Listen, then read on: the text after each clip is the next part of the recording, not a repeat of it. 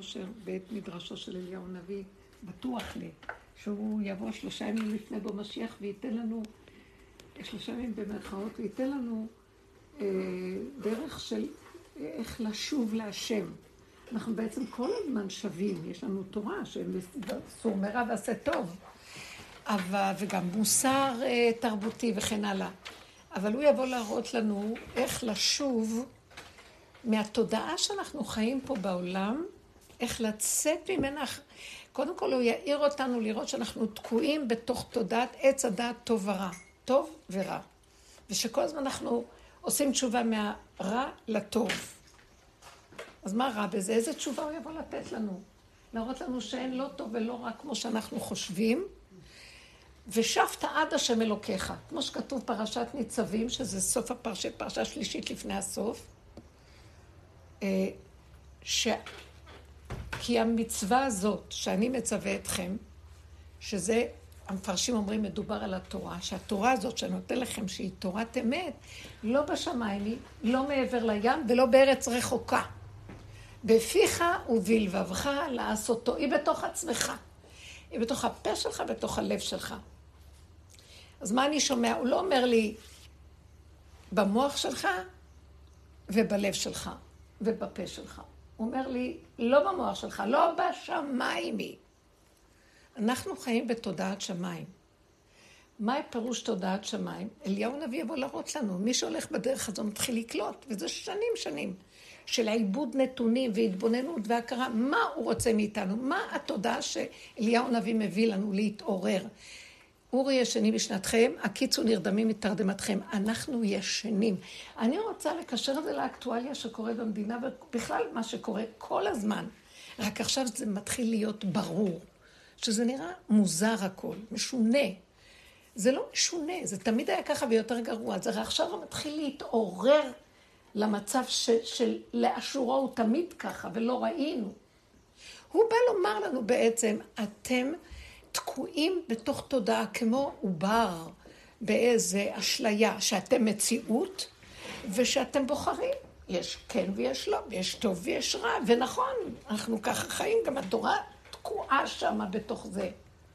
הוא אומר, אבל לקראת הסוף נצטרך לצאת מזה, והתשובה תהיה שתצאו מהתודעה של העצמיות במוח, שאתם מסווגים אותה, בספ... מסווגים אותה בספריית הערכים, של כל מיני ערכים, נעלים מול ערכים לא טובים, ובוחרים כל הזמן, תצאו משם למקום אחר. תתחילו להכיר את האמת. לא בצד שמאל ולא בצד ימין. ימין ושמאל תפרוצי ואת השם תעריצי.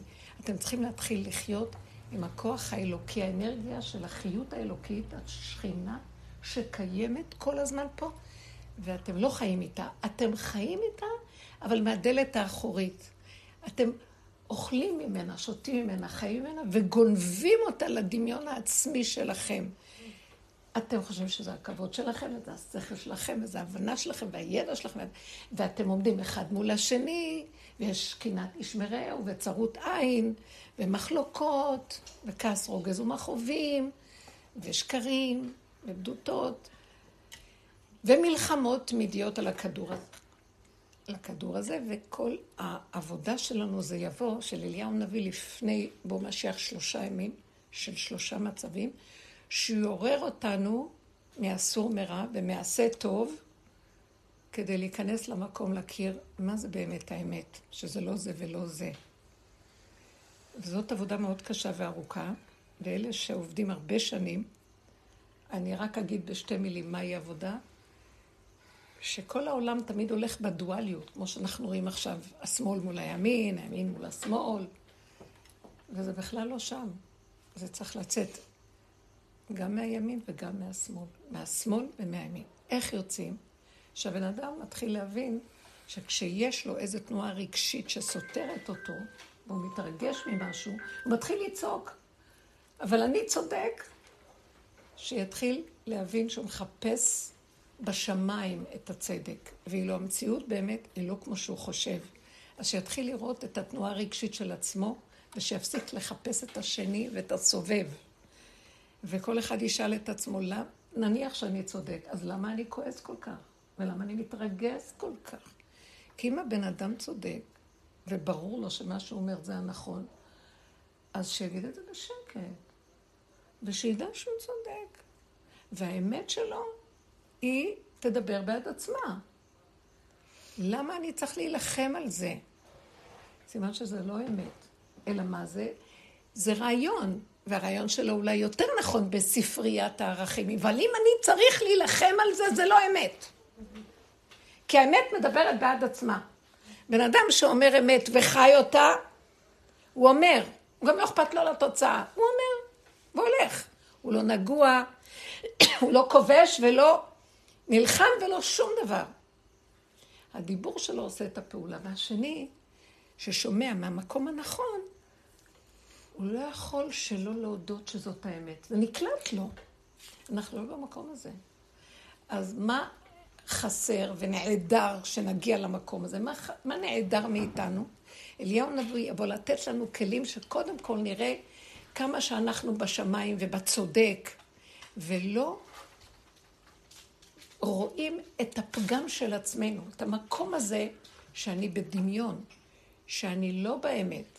מקסימום אני יכול להיות באיזה ערך של אמת ובהבנה של אמת והשגה של אמת, אבל בין להשיג את הדבר, בין לחיות את הדבר, אני חייב לסגור את המערכות שאני רגיל ולהתחיל לראות מה מונע ממני להגיע לאמת.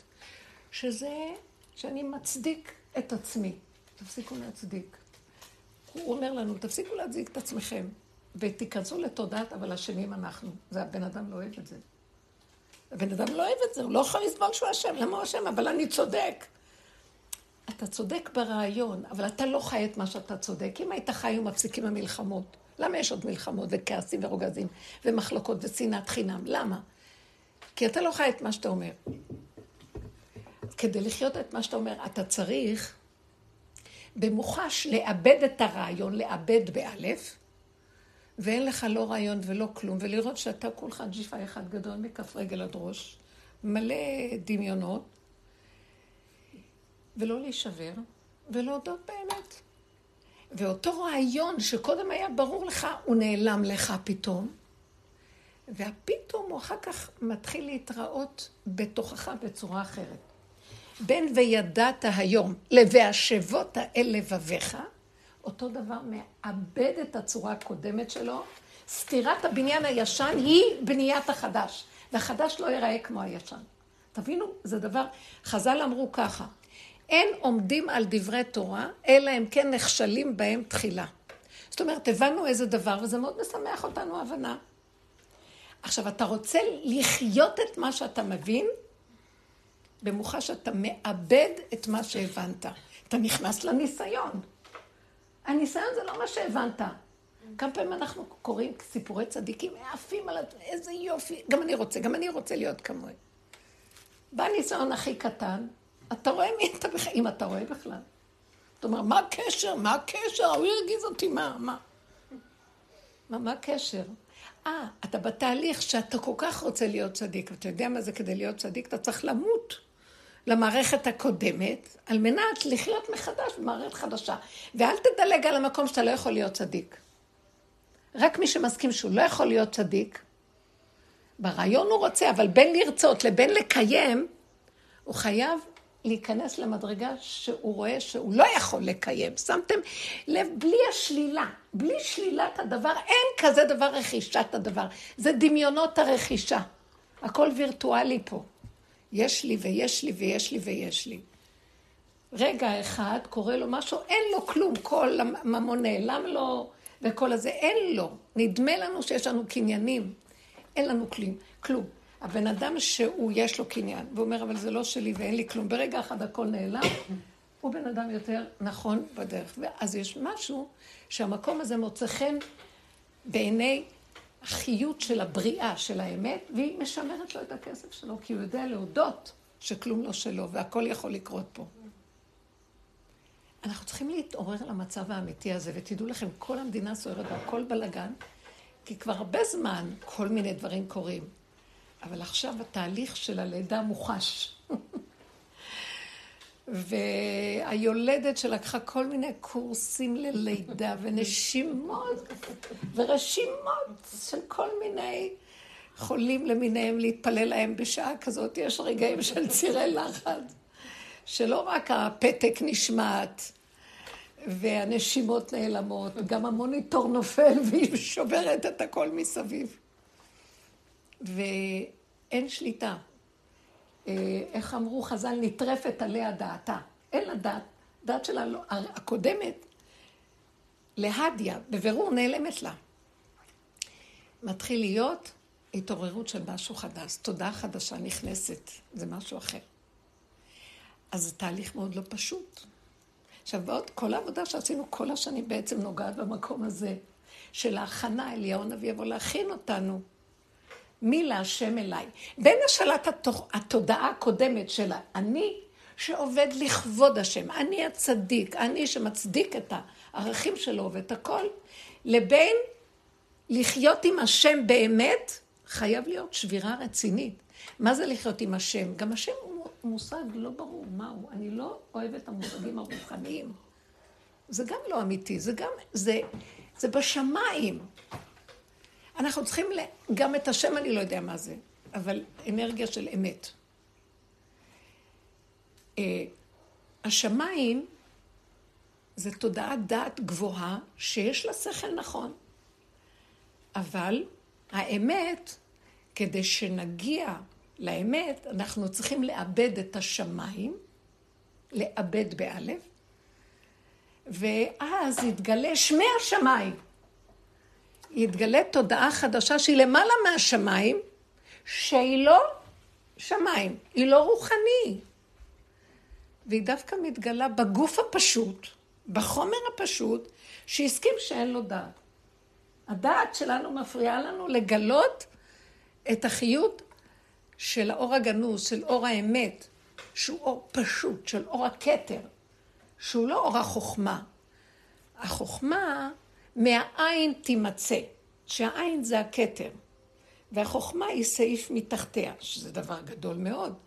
זה חוכמה, החכמים, זה השמיים. אני לא מזלזלת, זה גאוני. אבל גילוי מלכות השם זה יסוד העין. העין הוא הבעלים של החוכמה, והחוכמה מהעין תימצא. עכשיו הבעלים רוצים לבוא ואומרים, טוב, זוזו כולם, זוזו כולם. תחזירו לי את המלכות שלי. נתתי לכם כל הגלות המקום להיות משנה למלך בארץ מצרים. עכשיו אני רוצה לגלות את המלכות שלי, מלכות בית דוד, מלכות השם. שזה האדם, דוד המלך הוא בעצם האדם שהסכים לאבד את הדעת שלו ולהיות עד כדי דרגה כזאת שהוא היה עם הרבה דעת וגאוניות וחוכמה, והוא הסכים לאבד את הדעת שלו עד שהוא אמר, בהמות הייתי עמך. אני כבר לא יודע כלום. מרגיש שאין לי מוח, אין לי כלום. אבל הוא לא אמר את זה לכולם, הוא אמר בינו לבין השם, אבל החוכמה שלו זה כשהוא הגיע לשם, הוא לא התבייש לפרסם את זה לכולנו, שכל הדורות, 2,500 שנה יותר, כמעט 3,000 שנה, אנחנו קוראים את מה שהוא אמר, שהוא היה בהמה. עם השם הוא לא התבייש. זאת אומרת שכשהוא הגיע למדרגה הזאת, הוא אומר, אין לו בושה שם ואין לו כלום. זאת האמת. מי אני בכלל?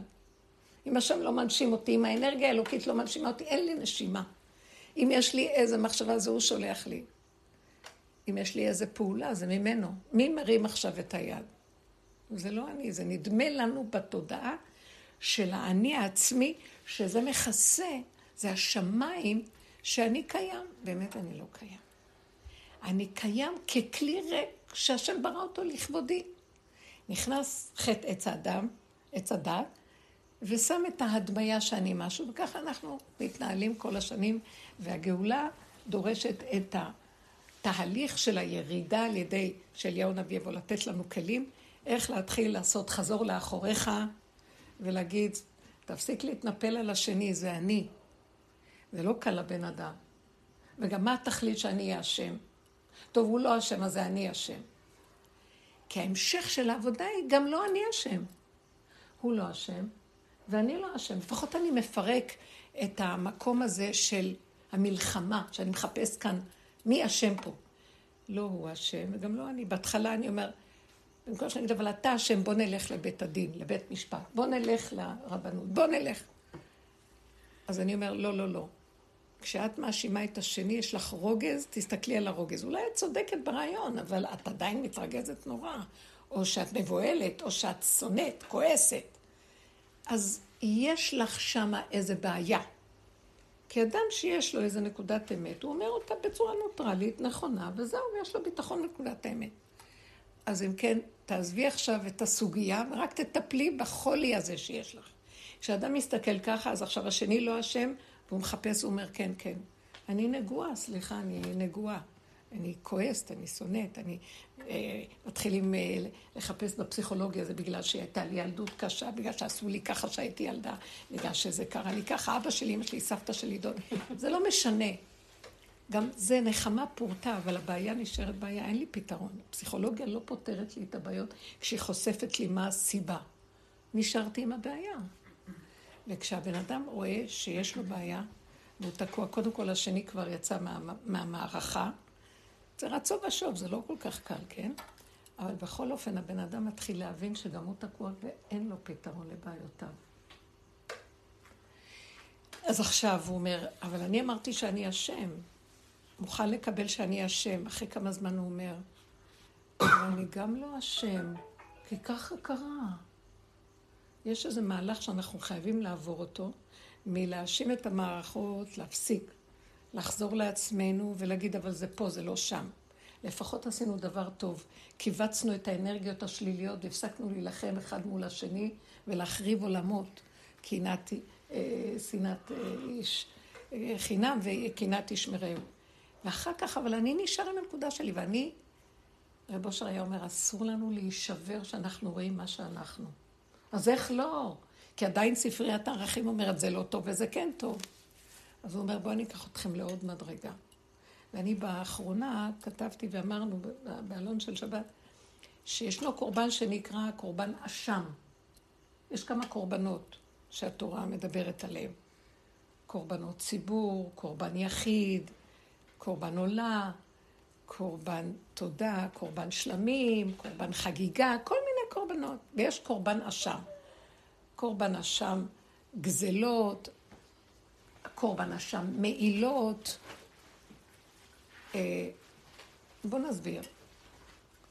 הזוהר הקדוש שואל, בקורבן גזלות, אדם גזל משהו, אז החוק והדין אומר, תשלם את הגזלה, תשיב את הגזלה, וגם תטיל עונש, תוסיף חמישית עליה. אתה צריך לשלם עוד חומש לעונש, אתה לקחת דבר שלא שלך, ועשית צער לבן אדם שלקחת לו. תשיב את הגזלה ותיתן חומש. וגם התורה אומרת, ותביא קורבן אשם. אבל אני כבר השבתי את הגזלה, החזרתי את המעילה. למה אני צריך להביא קורבן? אשם. אז הזוהר הקדוש אומר, אחרי כל זה, מול המציאות בינך לבין הבורא, תמיד אתה אשם. תביא קורבן השם. מה שלא תעשה, אתה נשאר אשם. זאת אומרת, התודעה של הקורבן אומרת לי בעצם, אתם פה בחינה של אשמים, כי אכלתם מעץ הדת, עשיתם כאן בלאגן. עכשיו, אני עושה, אני מוד... בהתחלה אנחנו לא מודים באמת, באמת. אני אומרת, זה השני, זה השלישי. כשאדם הראשון אכל מעץ הדת, הוא אמר, האישה שנתת עימדי, נתנה לי, היא, היא גרמה. אני לא אשם, זה היא. ככה זה התחיל, הוא אכל מעץ הדת, כיסה את עצמו והאשים את אשתו. הצדיק את עצמו. באה הדרך של הסוף, אומר, טוב, אני מוכן לעודד שזה היא, נכון שהיא נתנה לי, אבל אני הייתי צריך לקחת אחריות ולא לאכול. כי השם ציווה אותי שלא. אז אני אשם. ואז אני בוכה וכאוב, ואני עושה תשובה, ויום כיפור יוכיח השם והשם. בסוף אני אומרת, אדוני שלום, כמה שאני לא עושה תשובה, וכמה שאני לא... כל יום מחדש, אני חוטאה עוד פעם. כל יום מחדש, אני עוד פעם מרים ראש ועושה את אותו דבר. אין לי כבר כוח, תשש כוחי ואין לי כוח. אז השם אומר לו, הזה שאתה אשם תמידי, זה בתוכנית שלכם, אני סידרתי את זה. זה עלילת דברים, חבר'ה. אתם, הכנסתי אתכם לתוכנה כזאת, ששם תמיד תהיו אשמים, מה שלא תעשו. אז זה קורבן שתמיד מראה, אתם בתודעה תמיד אשמים. אז מה אתה רוצה שנעשה עכשיו? אליהו הנביא יבוא ויגיד, בוא אני אוציא אתכם מהתוכנה לגמרי. רק תגיעו למקום שתל, של תסכול, שנמאס לכם לתקן. איך אמר קהלת? זה מעוות לא יוכל לתקון פה. מה שלא נתקן עכשיו, מחר יישבר. נכון שעכשיו כבר לא מתקנים דברים, קונים חדש וזהו. אין יותר תיקונים. זה נורא מוזר עוד שיש סנדלר שמתקן, או כל מיני כאלה. אנשים זורקים וקונים. נגמר התיקונים. כי אין תיקונים, כי זה עבודה בעיניים, כי זה הכל דמיון של עץ הדת. אין אני, ואין קלקול, ואין תיקונים, ואין כלום. במקום הזה אליהו הנביא אומר, זהו, הבאתי אתכם לנקודה, עשיתם דרגה אחר דרגה אחורה פני תשובה, עכשיו משיח. תודעת בן דוד היא תודעה של משהו אחר לגמרי. הוא מודה לגמרי, הוא לא מתרגש מכלום, הכיפורים להתחיל להיות פורים. מספרים לי על המן, שהוא היה רשע גדול, מספרים לי על מרדכי צדיק גדול. בסוף כולם מתחפשים, גם הצדיקים לאמן והרשעים למרדכי, ואף אחד לא יודע מי אמן ומי מרדכי, והכל צחוקים. ניטרלנו את העוקד של הסוף. זאת אומרת, התודעה האחרונה שמשיח יבוא אליה, רוצה למצוא אותנו מנוטרלים מהעולם של דבר והיפוכו, מההרגשים שהדבר והיפוכו עושים לנו, ונשארים זכוכי דעת ושותקים ולא מעורבבים בעולם. תקשיבו, אני אומרת דבר ש... מה, מה? אבל אנחנו צריכים להיות מעורבבים בעולם. הסוף אומר ככה. והאדם שמגיע לסוף, שכבר פתאום קולט, אין לו כוח כבר לעשות תשובה, כמה יעשה תשובה, וכל פעם עוד פעם מחדש. זאת אומרת, הוא מתחיל לחיות במקום, תעצרו את הגל, אני לא מתערבב רגשית עם שום דבר. לא צריך להתגרש, זה מבנה, אבל מה לי ולא? לא, לא כללית, באותו רגע שזה מרגיז אותי. יש רגע טוב, אנחנו בסדר. רגע לא טוב, למה אני צריך להתערבב עם זה רגשית? ילדים מרגיזים, או כל דבר אחר. פחד שבא לי על ילד. למה אני מפחד? העולם שלי, הילד שלי. הילד צריך עזרה, אני מושיט יד. אבל למה צריך להיות עם חרדה ופחד וצער? התודעה של העבודה וההתבוננות מתחילה לנטרל אותי מהאחיזה הרגשית בכל מה שקורה, ואני רואה, אני פה. אני לא עזבתי את העולם ולא ברחתי, אבל אני לא מתרגש, כי אני רואה שזה דמיון הכל. כשאני נמצא במקום הזה, דיבור שלי עושה ישועה. אני אומר, אבאלה, אני לא יכול לעשות כלום. העולם שלך, והילד צריך עזרה. תעזור לי, תשקיע, זה שלך. זה שלך, לא שלי. זה מקום שקט, בלי אבל, אבל, אבל. אדם צריך להגיע עד זוב דם הוא עבד למקום שכבר לא אכפת לו מכלום. זאת אומרת שזה לא לא אכפת לו, אכפת לו, הוא לא רוצה להתערבב עם התודעה כי היא משקרת, היא גונבת, היא ממיתה, היא מכלה, וגלגל חוזר, ואין לנו מוצא ומפלט ממנה. רק תעצור את הגלגל, תודעה חדשה מתחילה להיכנס לעולם. שמי שלא נעצר ומפסיק להיות מעורב עם מה שיש, בתואנה שהוא יודע איך לסדר את זה, אבל זה כואב לי, אכפת לי. תדעו לכם שהנחש גונב את כולם במקום הזה. ומשיח רוצה לבוא ולתקן את מה שאי אפשר לתקן פה, לא בצורה כמו שאנחנו חושבים. האור של השם, משהו אחר, תודעה, תודעת על, אור הגנוז, שיש לה איזה מפלט מאיזה, איך, נתיב עית לא ידעו. משהו, איזה, פתאום מתבצרת איזה חשיבה שלא חשבנו עליה קודם.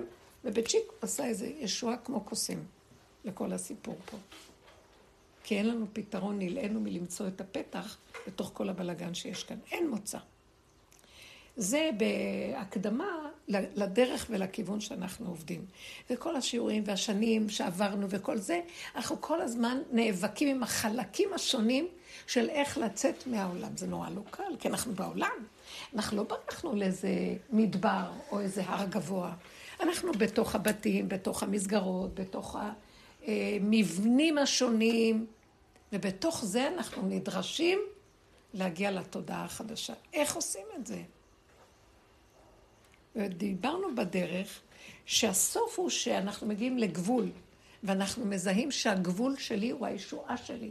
אם הייתי רק שמה לב שהמוח שלי לא ירוץ קדימה לשמיים, ואני אשים לב לגבוליות שלי, ללאות, לקול הפנימי שאומר לי, עד פה.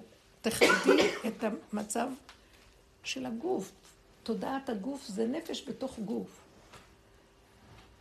משהו מתוכה קם ומסדר את הסיפור. לא כמו שאני רוצה לסדר אותו, עם ההתרגשות והשייכות. אני עד פה דיברתי ואני רוצה שתשאלו משהו, כי יכול להיות שאני יפליג לכיוונים שהם... אה, אני רוצה להבין איפה אתם נמצאים, לא להבין, אבל לקלוט איפה אתם נמצאות, ומשם להמשיך. הרבנית, שכחתי קצת מים כן. שכחתי להגיד בהתחלה, כן. שהשיעור אה, לעילוי נשמתו של אה, דורי בן מיכל, שנפטר ביום שבת, פה בחוקוק. מי זה היה? חבר ותיק, אהוב, שכן של כולנו פה. שתהא נשמתו צורה בצרור החיים לעילוי נשמתו בתוך כל מתי עמו ישראל. וזכות רבי שמעון בר יוחאי, זכותו תגן בעדו ובעד כל עם ישראל, אמן כן יהיה. את יכולה לחבר את זה קצת? אני היום הייתי ברבי שמעון. כן, תודה רבה. וניסיתי להבין את ההילולה וטרללה, זה לא כל כך... שמה? ש? ניסיתי להבין את העניין הזה של ה... אולי זה בעיה לנסות להבין בכלל. של ההילולה. של ההילולה, כן. אה, ההילולה. זה כמו המילה, איך היא נשמעת? הילולה לה לה לה לה לה, טרה לה לה לה לה לה. לא, הלמד זה מגדל פורח באוויר. יש הילולה, היה צדיק גדול מאוד, רבי שמעון. זה לא, הש... זה לא שאלה רבי שמעון, זה שאלה מה אנחנו בתודעה פה עושים מכל דבר. או שאנחנו עפים ברמות גבוהות כאלה של רוחניות והתרגשות, או שאנחנו נכנסים לשיממון והוללות מכיוונים אחרים, זה לא משנה. באמת, כל כולו של רבי שמעון בר יוחאי זה שהוא הוריד נקודה של אמת גדולה מאוד לעולם, ואם אני הולך אליו לרגע קטן, זה לקבל ממנו את אותה נקודה שאני אנסה ליישם אותה בעצמי. הוא הוריד איזה משהו לעולם, והוא אומר לי, עכשיו השער פתוח, את רוצה ללכת בדרך שאני הלכתי ולגוע בנקודה? פותח לכם שערים. רבי שמעון בר יוחאי הגיע למקום שהוא עבר את כל התהליכים האלה שדיברנו, והוא הגיע למקום שבסוף הוא אמר, אני יכול לפתור את כל העולם מהדין. מי שחטא, אני מסדר אותו, הוא לא חטא. אני לא חטא, אין עליו, אין עליו טענה, אין טענה לבני אדם פה, אנחנו לכודים פה. אנחנו לכודים בתוכנית, ותפסיקו לתקן שום דבר. תסכימו רק שאנחנו לכודים, וגדול עלינו. ואז מה? אתם בהתחלה תגידו, לכודים גדול עלינו, תבכו, ואני אומר לכם, תגידו רק לכודים גדול עלינו. ואתם יודעים משהו? זה דמיון. בשנייה אחת אנחנו מוחקים את הכל, אין כאן כלום. קשה להגיד את הדבר הזה. התודעה היא מע... מעבידה אותנו. זה פרעה שיושב בתודעת עץ הדת, והוא מעביד אותנו. אז זה היה במצרים בגוף. נפתח השער אז, אבל כל הדורות משמה המשכנו להיות משועבדים רק בצורות אחרות. קיבלנו תורה, אבל אנחנו בתוך התורה משועבדים. אמנם יש לנו דעת, אנחנו מבינים, יש לנו ספריות ערכים, אבל במידות שלנו אנחנו עדיין משועבדים. אני מבוהל, אני מקנא, אני שונא, אני מתווכח, אני מתנצח, ההוא מרגיז אותי, זה מעצבן אותי, חרדה קיומית, אה, פחד על הבריאות, אה, וקושי גידול ילדים וכל... אני עושה ממשות ממציאות העולם, ועושה חותמות של טוב ורע. וזה יוצר את המציאות מפעם לפעם לפעם. ככה זה התודעה בעולם, היא יוצרת מציאות. ואז אני, בסוף הדרך אני אגיד, גדול עליי, קשה לי, אני לא יכול. כשרבי שמעון יצא מהמערה, הוא היה אש דת קודש כולו. 12 שנה במערה, כל הגוף שלו מלא חורים. הוא השיג את האמת לאמיתה, אבל הוא היה קנאי לאמת לאמיתה. הוא יוצא החוצה, רואה מישהו זורע, חורש. הוא אומר, אני, אני שורף, נתן בו מבט והתחיל לשרוף את האנשים. רוצה להבין מה זה. מידת הדין של האמת לאמיתה.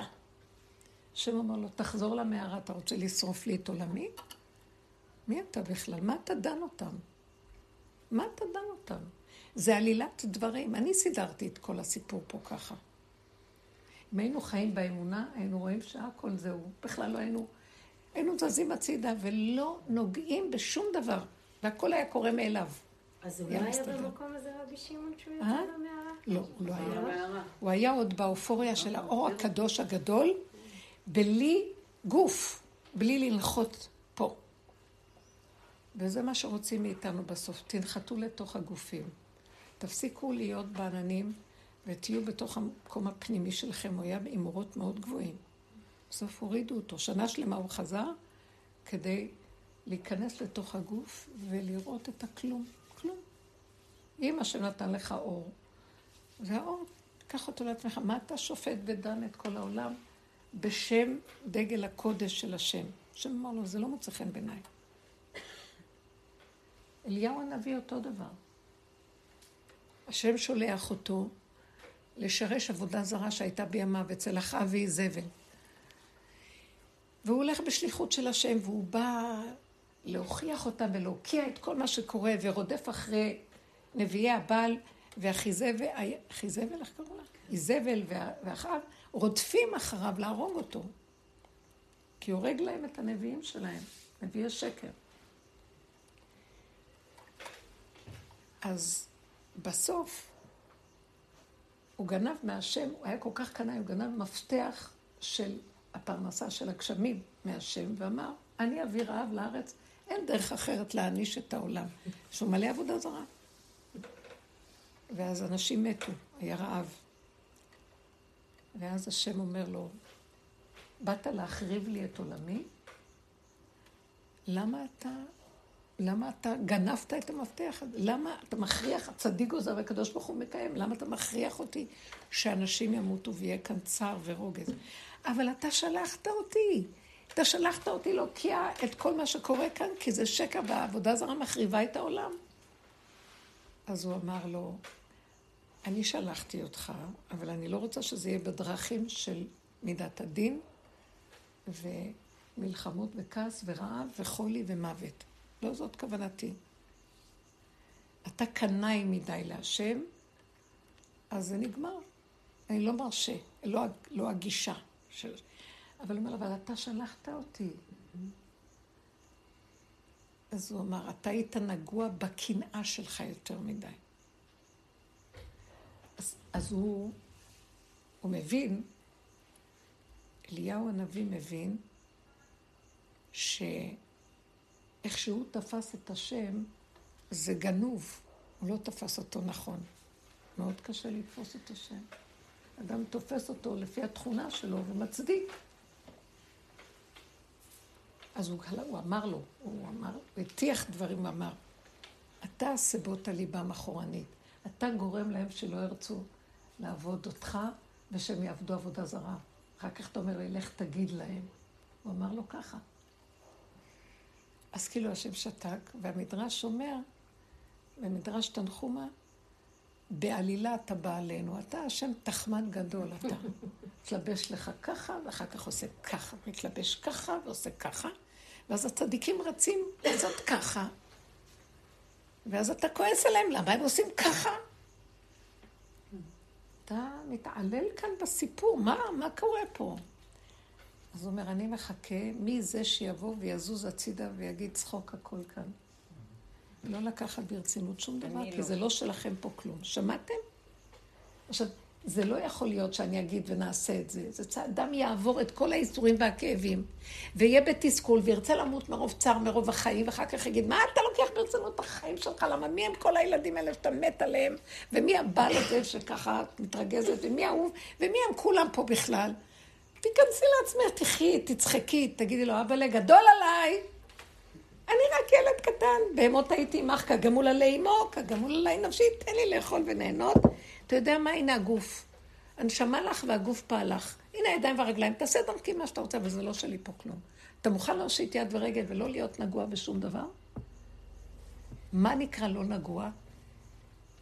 שאם יבוא משהו וינגד לך את התנועה, אז תגיד, לא שלי, טוב, לא. לא קונטרות ובכוח. אם פתחו, פתחו, ואם לא, אז לא. אני לא נלחם עם כלום. המצב הזה יכריח את השם דרכך לפעול נכון. אבל לא שאתה מהמוח שלך תקבל הוראה, זה שונא, זה, לפי ספריית הערכים.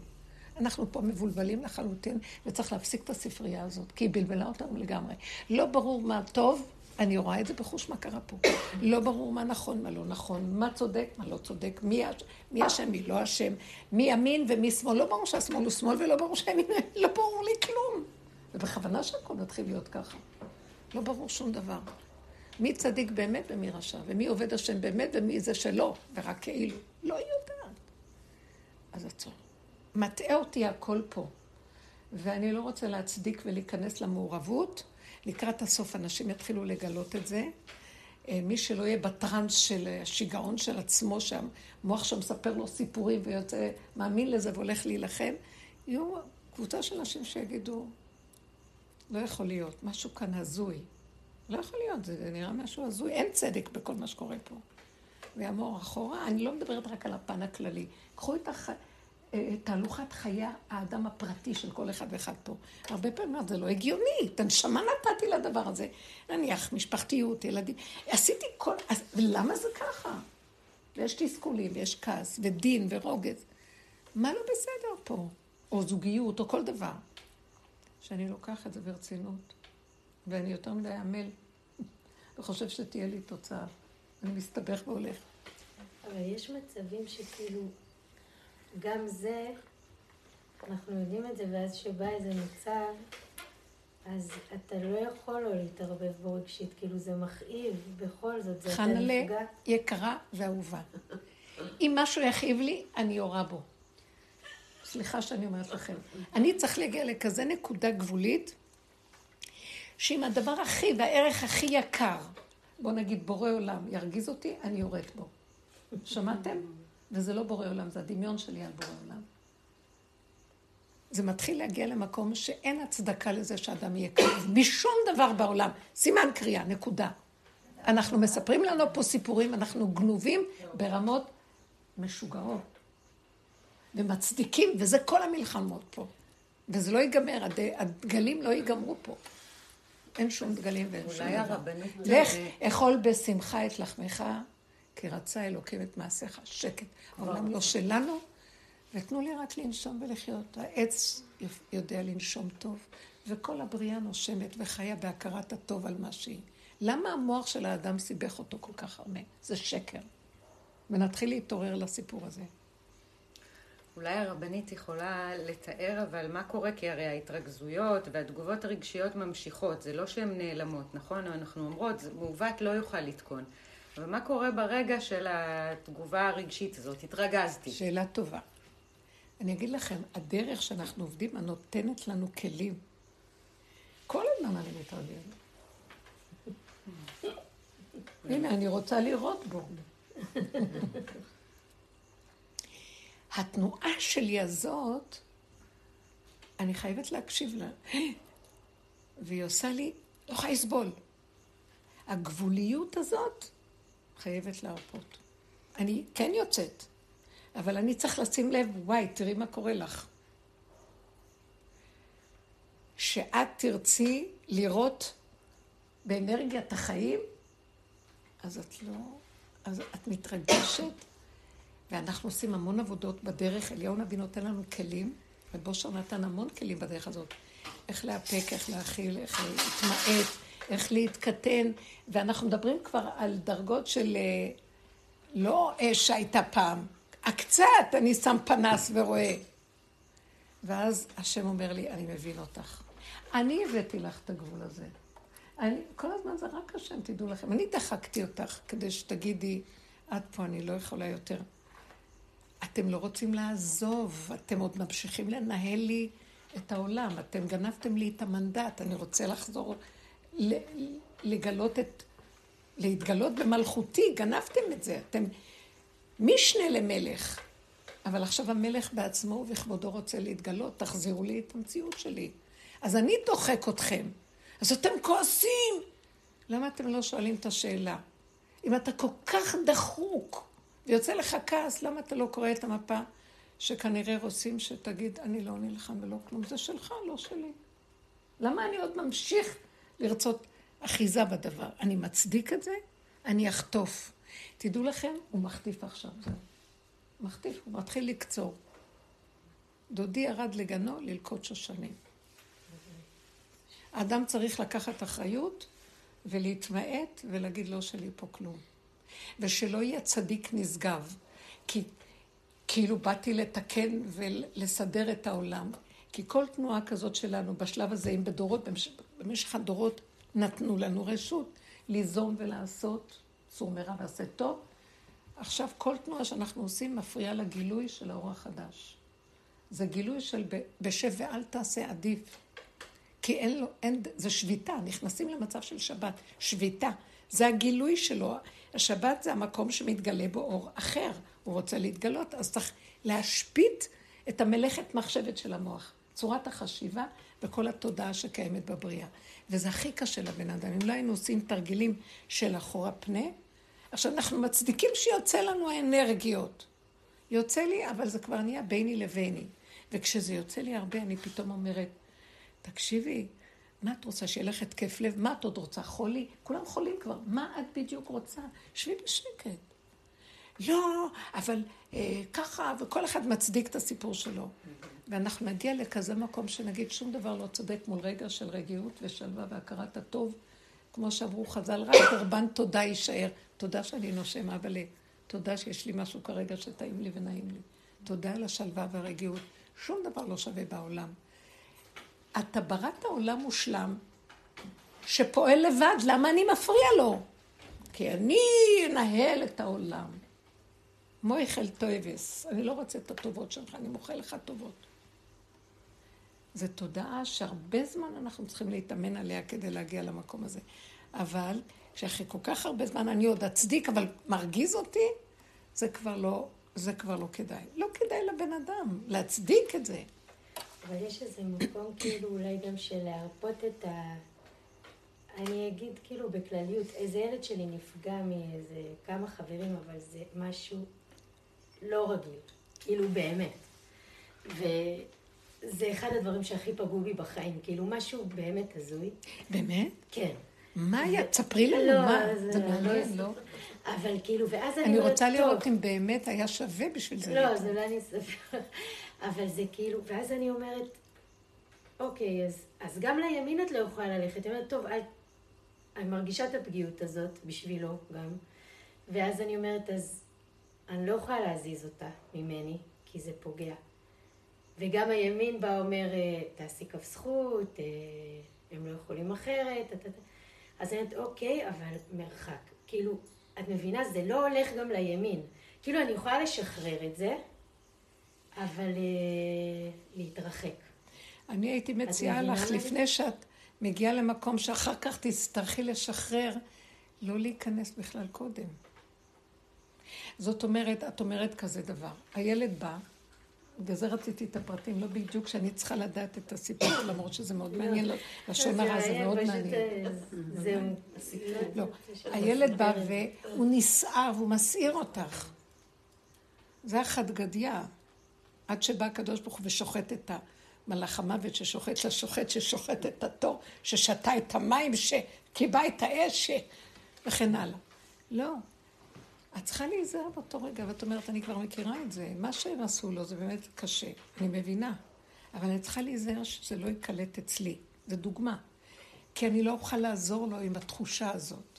ואז את בתור צדיקה הולכת ואומרת, טוב, אני לא רוצה להתרגש כי יכול להיות שהם צדקו. אני לא רוצה להיכנס בכלל מי צודק, מי לא צודק. כל המערכת הזאת כבר אצלי, אני... אין טוב ואין רע ואין צודק ולא צודק, אין כלום. יש סכנה שאני הולכת לאיבוד, ואז האנרגיה האלוקית שבתוכי לא יכולה להתגלות, ואז אין ישועה לילד הזה.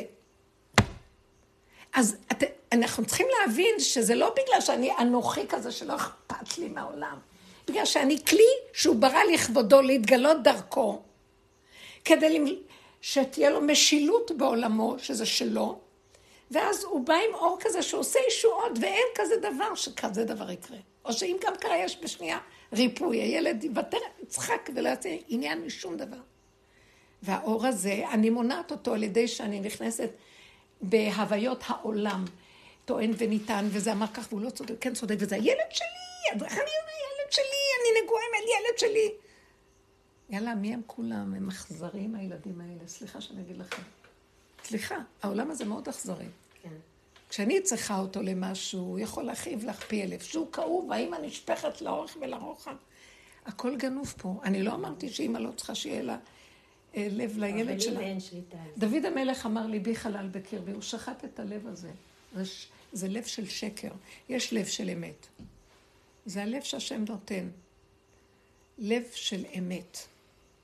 שהוא לא, מה זה לב של אמת? הוא לא רק מרגיש, והוא לא יודע מה לעשות עם הרגש.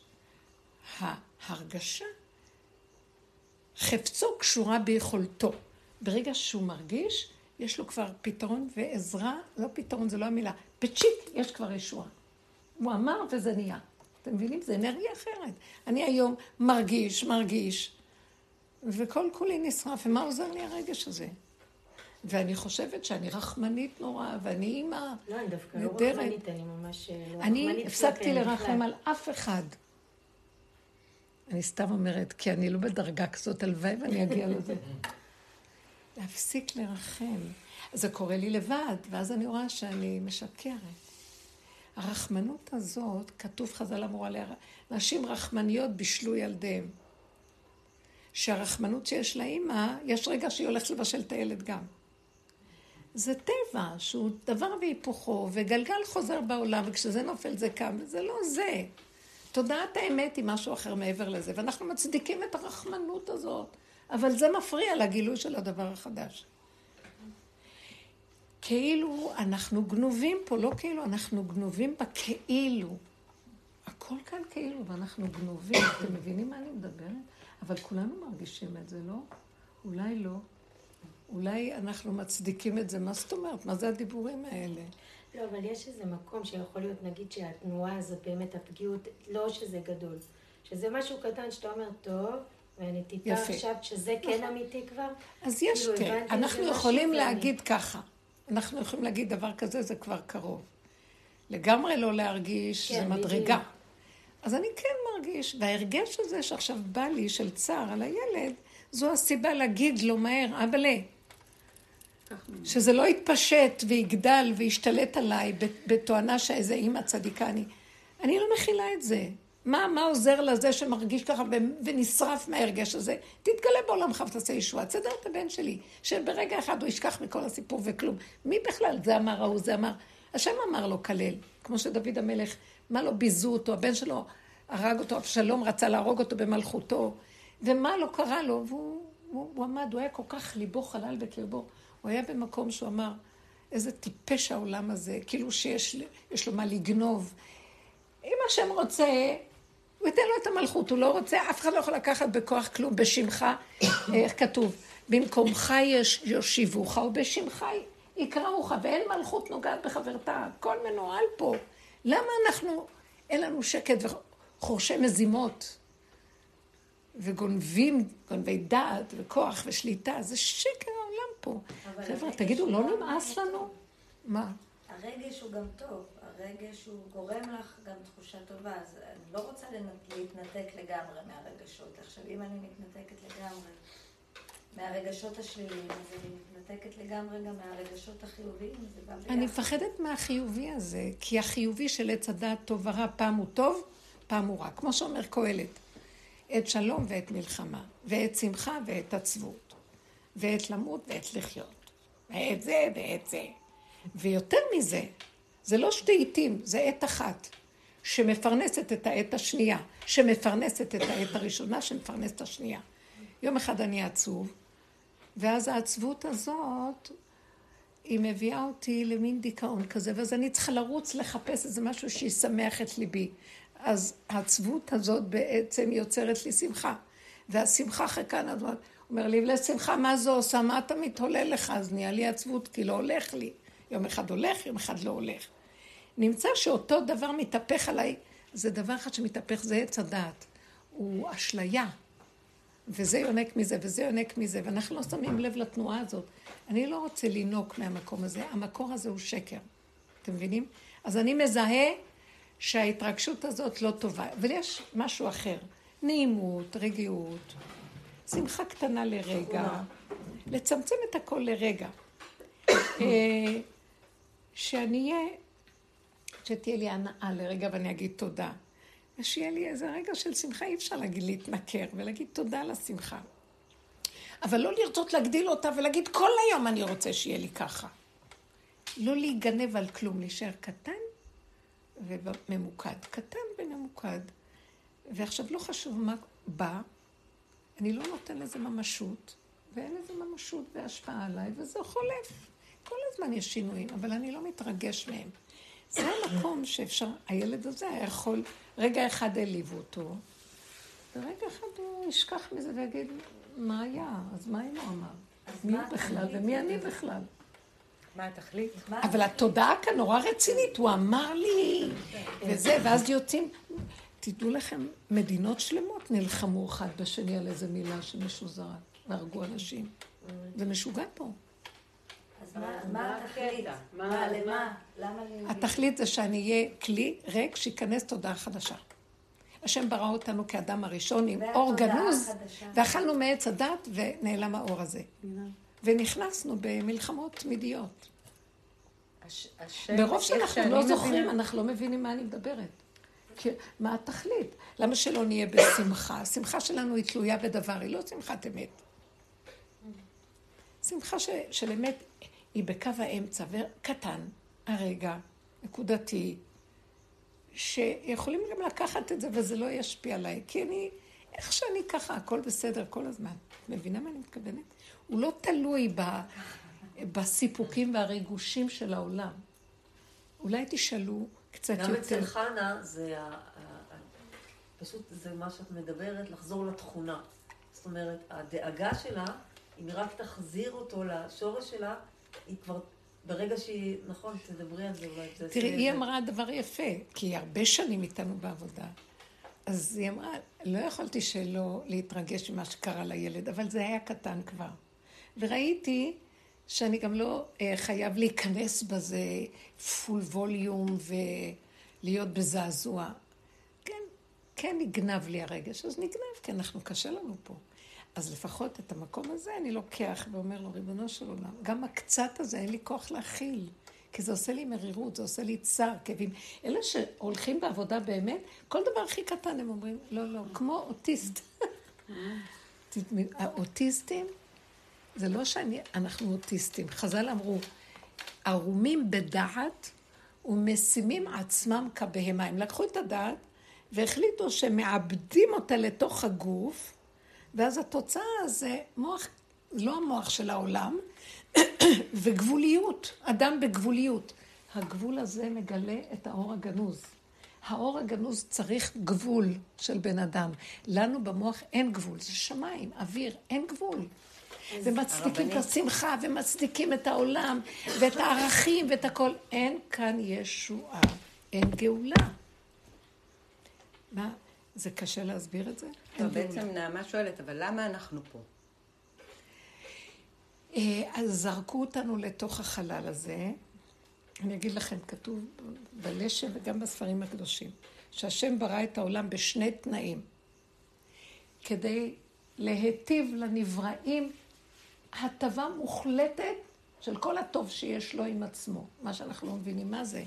שכיף לו עם מציאותו בעולם. אין לו צער, אין לו דאגה, אין מכאוב, אין חסר, אין כלום חוכמה, אורות, חיים טובים. והוא רצה שהבן אדם, היציר נברא שלו, יחיה באותה תודעה אלוקית כמוהו.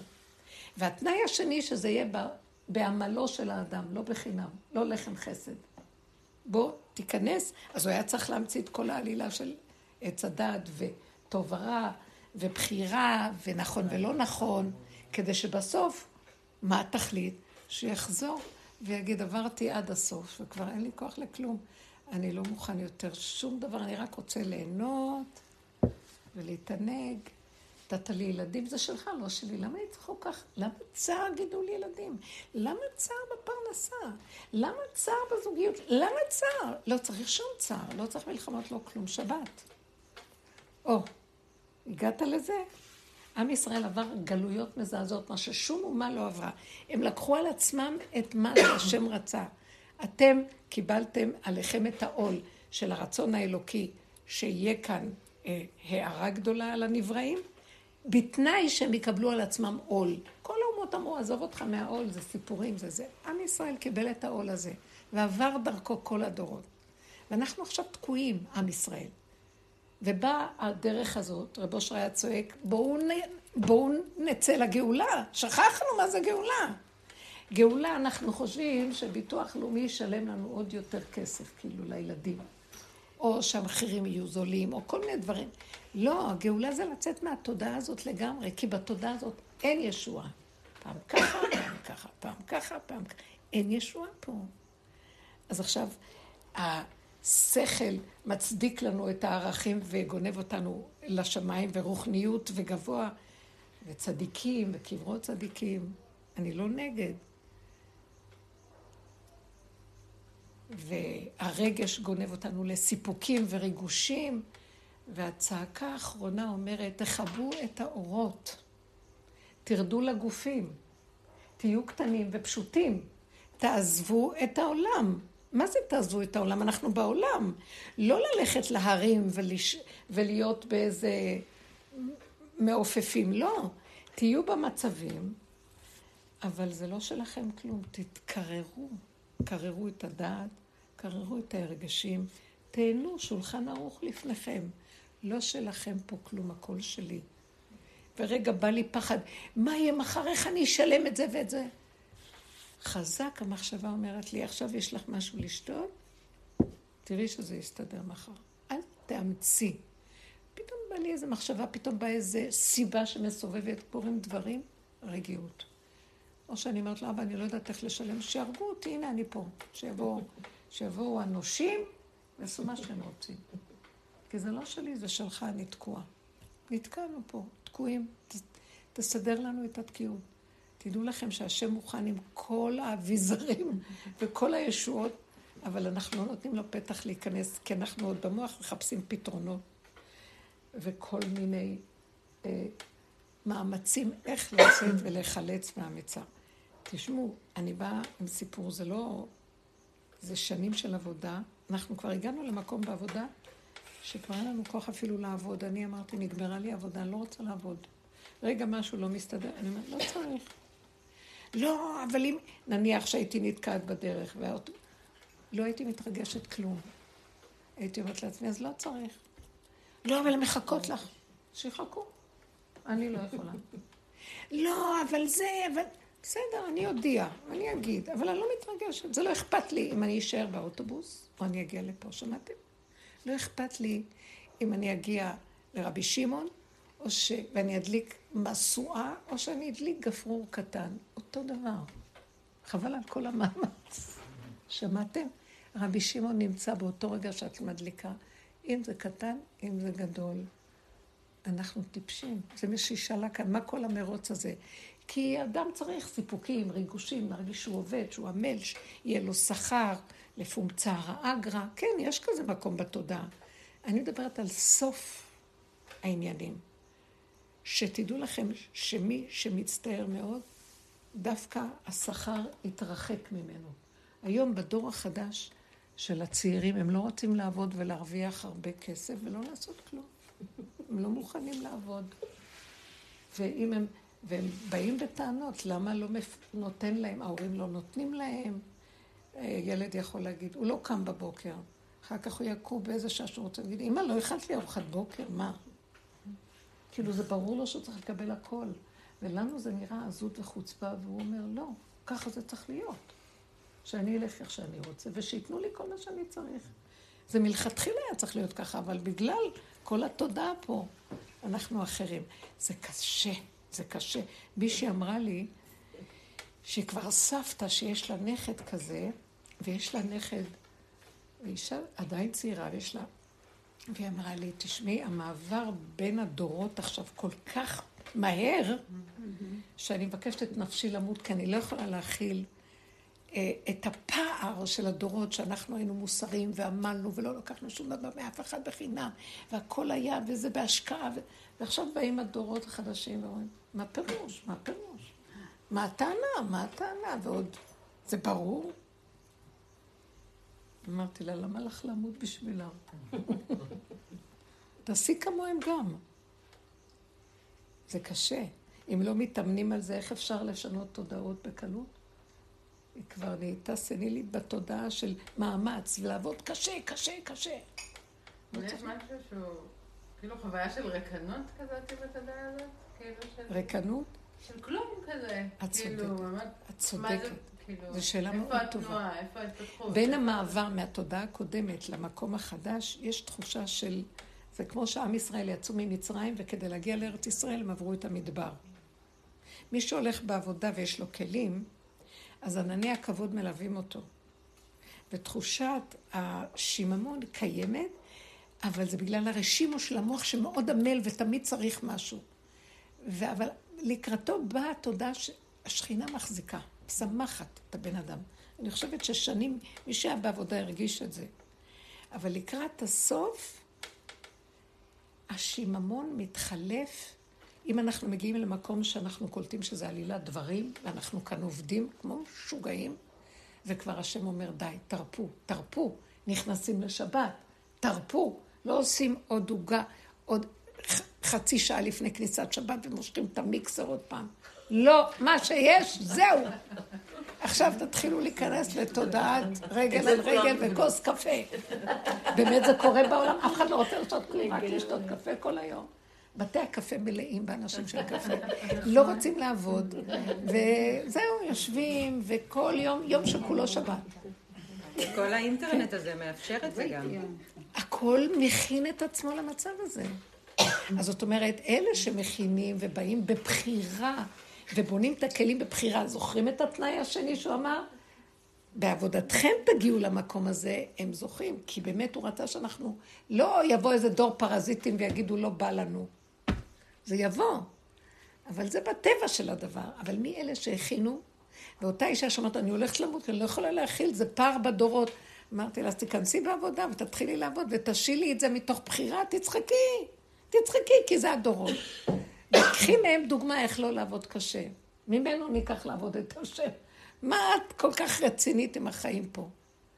לא, אנחנו גדלנו על ארבעית, ארבעית, עבודה, עבודה, אנחנו... אמרתי לך, אבל אתם מבינים? תשמעו, יש זעזוע עכשיו, אנשים רק מתים מהפערים. הם לא יכולים להכיל את המצב. חבר'ה, הדרך הזאת היא, תהיו גמישים, תעזבו, תרפו, תצחקו. לא אמרתי שנחיה בהפקרות, אבל זה נקרא הפקרות להשם. אתם מבינים מה אני מתכוונת? זה לא שאני צוחקת על השני ובזה לו.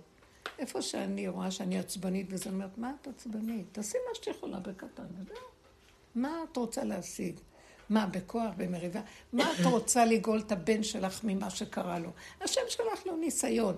מה הניסיון הזה? אולי את השאלה, שיש מקום של גבוליות שאת אומרת שהיא... שהגבוליות שלי, שאני לא רוצה להרגיש כעס או לא רוצה להרגיש כאב, אבל יש מקום של גבוליות שכאילו עכשיו אני מרגישה, אוקיי, זה פגע, בוא נתרחק מהם קצת. נסכים. נסכים שזה קרה. שזה, לא, להסכים גם להתרחקות, להסכים שזה הגבוליות. שזה לא עכשיו הלב שלי באהבה וחברים עוד פעם. נכון. הבנת למה? נכון, אז- בטח, זה תהליכים. בעבודה שאנחנו עושים יש תהליכים, זה לא בבת אחת את נועלת. אבל מעט מעט הגרשנו מפניך, את יותר ויותר נכנסת, יותר ויותר מוותרת, יותר ויותר רואה שזה העולם. ואז אני אגיד לבן שלי, תתרחק מכזה דבר. מה אתה מתמסר? כל מוצאני יהרגני. עכשיו זה זמן אה, של בשב ואל תעשה, אל תתחבר מדי. אתה רואה שמתחיל אנרגיה כזאת, תגיד, טוב, סליחה, סליחה, ותלך. מה אתה יושב שהוא יטרוף אותך? בני אדם גנובים. כן, תלמדו להיות זריזים. אלה שמתבוננים, הם זריזים לעזוב את השטח מהר. לא, לא, לא, לא, בוא. זה צריך להיות תודעה של דופק, נוכח, אה, דרוך. האמת היא מאוד עוזרת לבן אדם להיות כזה. וכל השאר ישנים באיזה תרדמת של מצדיקים, כועסים, נגנבים, ומתים, ימותו ולא בחוכמה. חבל על החיים. אבל אני רוצה, למה אני אומרת חבל? ואת אומרת, זה יכול להיות שיממון. מתחילה להתגלות תודעה חדשה שהיא חכמה ברמות. ואנחנו, אבל היא אומרת לנו, אתם יכולים להיכנס אליה רק בתנאי שתוותרו על הקודם. אי אפשר ששתיהם ישתמשו בערבוביה. אז תתחילו. אז מה, אבל יהיה לי משעמם. גם לי יש פחדים הרבה פעמים. טוב, אבל אם אני לא אעשה ככה... ואז הוא אמר לי, לא, לא, אל תדאגי, רק תתרכזי בנשימה ואל תתני למוח להיפתח ולהשקיף ועם הרשימו של העולמות הקודמים, של העיסוקים הגדולים. אז הוא יפיל אותך. תגידי, אז יש לי רק רגע ויש לי נקודה. וזה טוב לי ככה, שקט לי. אתם יודעים משהו? אנחנו יודעים להעריך את השלווה. רגע של שלווה, שאני לא נגועה ברגשי הזה, ברגשי הזה. זה מתנה שאי אפשר לת... אני למדתי להעריך את השלווה ולהכיר תודה על הנשימה הנקייה, בלי סערה, בכלום. לא להצדיק את הרעיון הזה והדגל הזה והעולם. וטיפה אני מסתכלת על החדשות, אימא'לה, אני ישר רואה שאני נגנבת בשנייה. כי זה גונב, הסערה והצעקות והאנשים. ו... אמא'לה, אמא'לה. תרחם על העולם. מקסימום אני יכולה רק להתפלל שירחם על העולם. ואני אומרת לו, אני, הנה הידיים והרגליים. בתוך עמי אנוכי יושבת. אני יכולה לעזור למישהו? אני רוצה לעזור, אבל לא ממני. לא ממני. כשאני הולכת ממני עכשיו, מחטיף לי מכות. גם מבזים אותי, עזרה לא נתתי, וגם אני חטפתי. הוא מתחיל לגוע בנו. חזק. תודה חדשה כבר נמצאת פה, אני אומרת לכם, חבל לכם על הזמן. לא חסר דבר, העולם מלא כל טוב. זה הכל שלו. כל מה שקורה עכשיו זה הוא מסיר, הוא מושך את השטיח מתחת, הוא מסיר את כולם, הוא מסיר את הכל. הוא מסיר את התודעה הזאת, היא תודעת דמיון. אבל יש לי איזה נקודה. אמ, שבעצם אה, גלית מדברת על רקנות, זאת אומרת, אתה לא יכול להיות, אתה חייב לוותר על, התודעה הקודמת כדי להיכנס לתודעה הישנה. חדשה. חדשה. בחוויה שלי, שאני מרגישה שאני שומעת אותך ואני שומעת אה, עבודה אחרת שאני עושה, שהיא מאוד דומה, שהיא בעצם אה, מחפשת הוויה של עדות. זאת אומרת, שאתה יותר עד להתרחשות של העולם הזה, אבל אתה לא מתחבר אליה, אתה לא מזדהה איתה, אתה לא זז ימינה, שמאלה, אתה מחפש כל הזמן להיות העד שלה. אני רוצה לשאול שאלה. אבל אני מרגישה שם שאני הרבה נמצאת בשני העולמות האלה, זאת אומרת, אני אולי יותר ויותר נמצאת בעולם במידת הרוחב כזו, אבל אני, אני גם לגמרי מתערבבת. ו... נכון. זאת אומרת, אני גם וגם, אני לא, אני לא מרגישה שזה, שאני מצליחה להגיע לזה ממצב שאני יכולה לשחרר דבר כדי להגיע לדבר.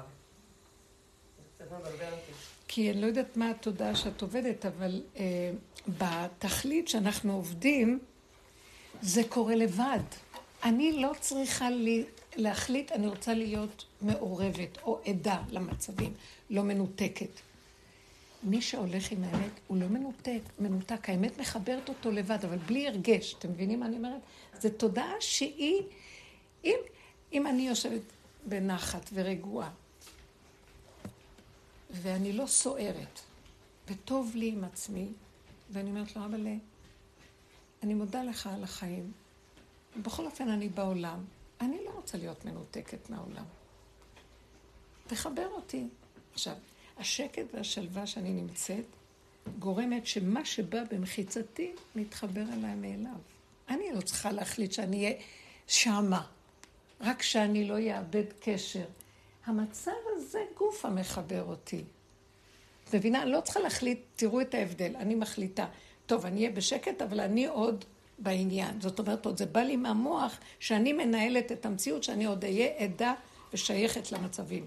במקום הזה שאני מדברת עליו, זה קורה לבד, יש מי שמחבר אותי, וזה חיבור שאינו תלוי בדבר, והוא רגוע. אני מבינה את הנקודה הזאת, אבל אני לא מרגישה שהיא...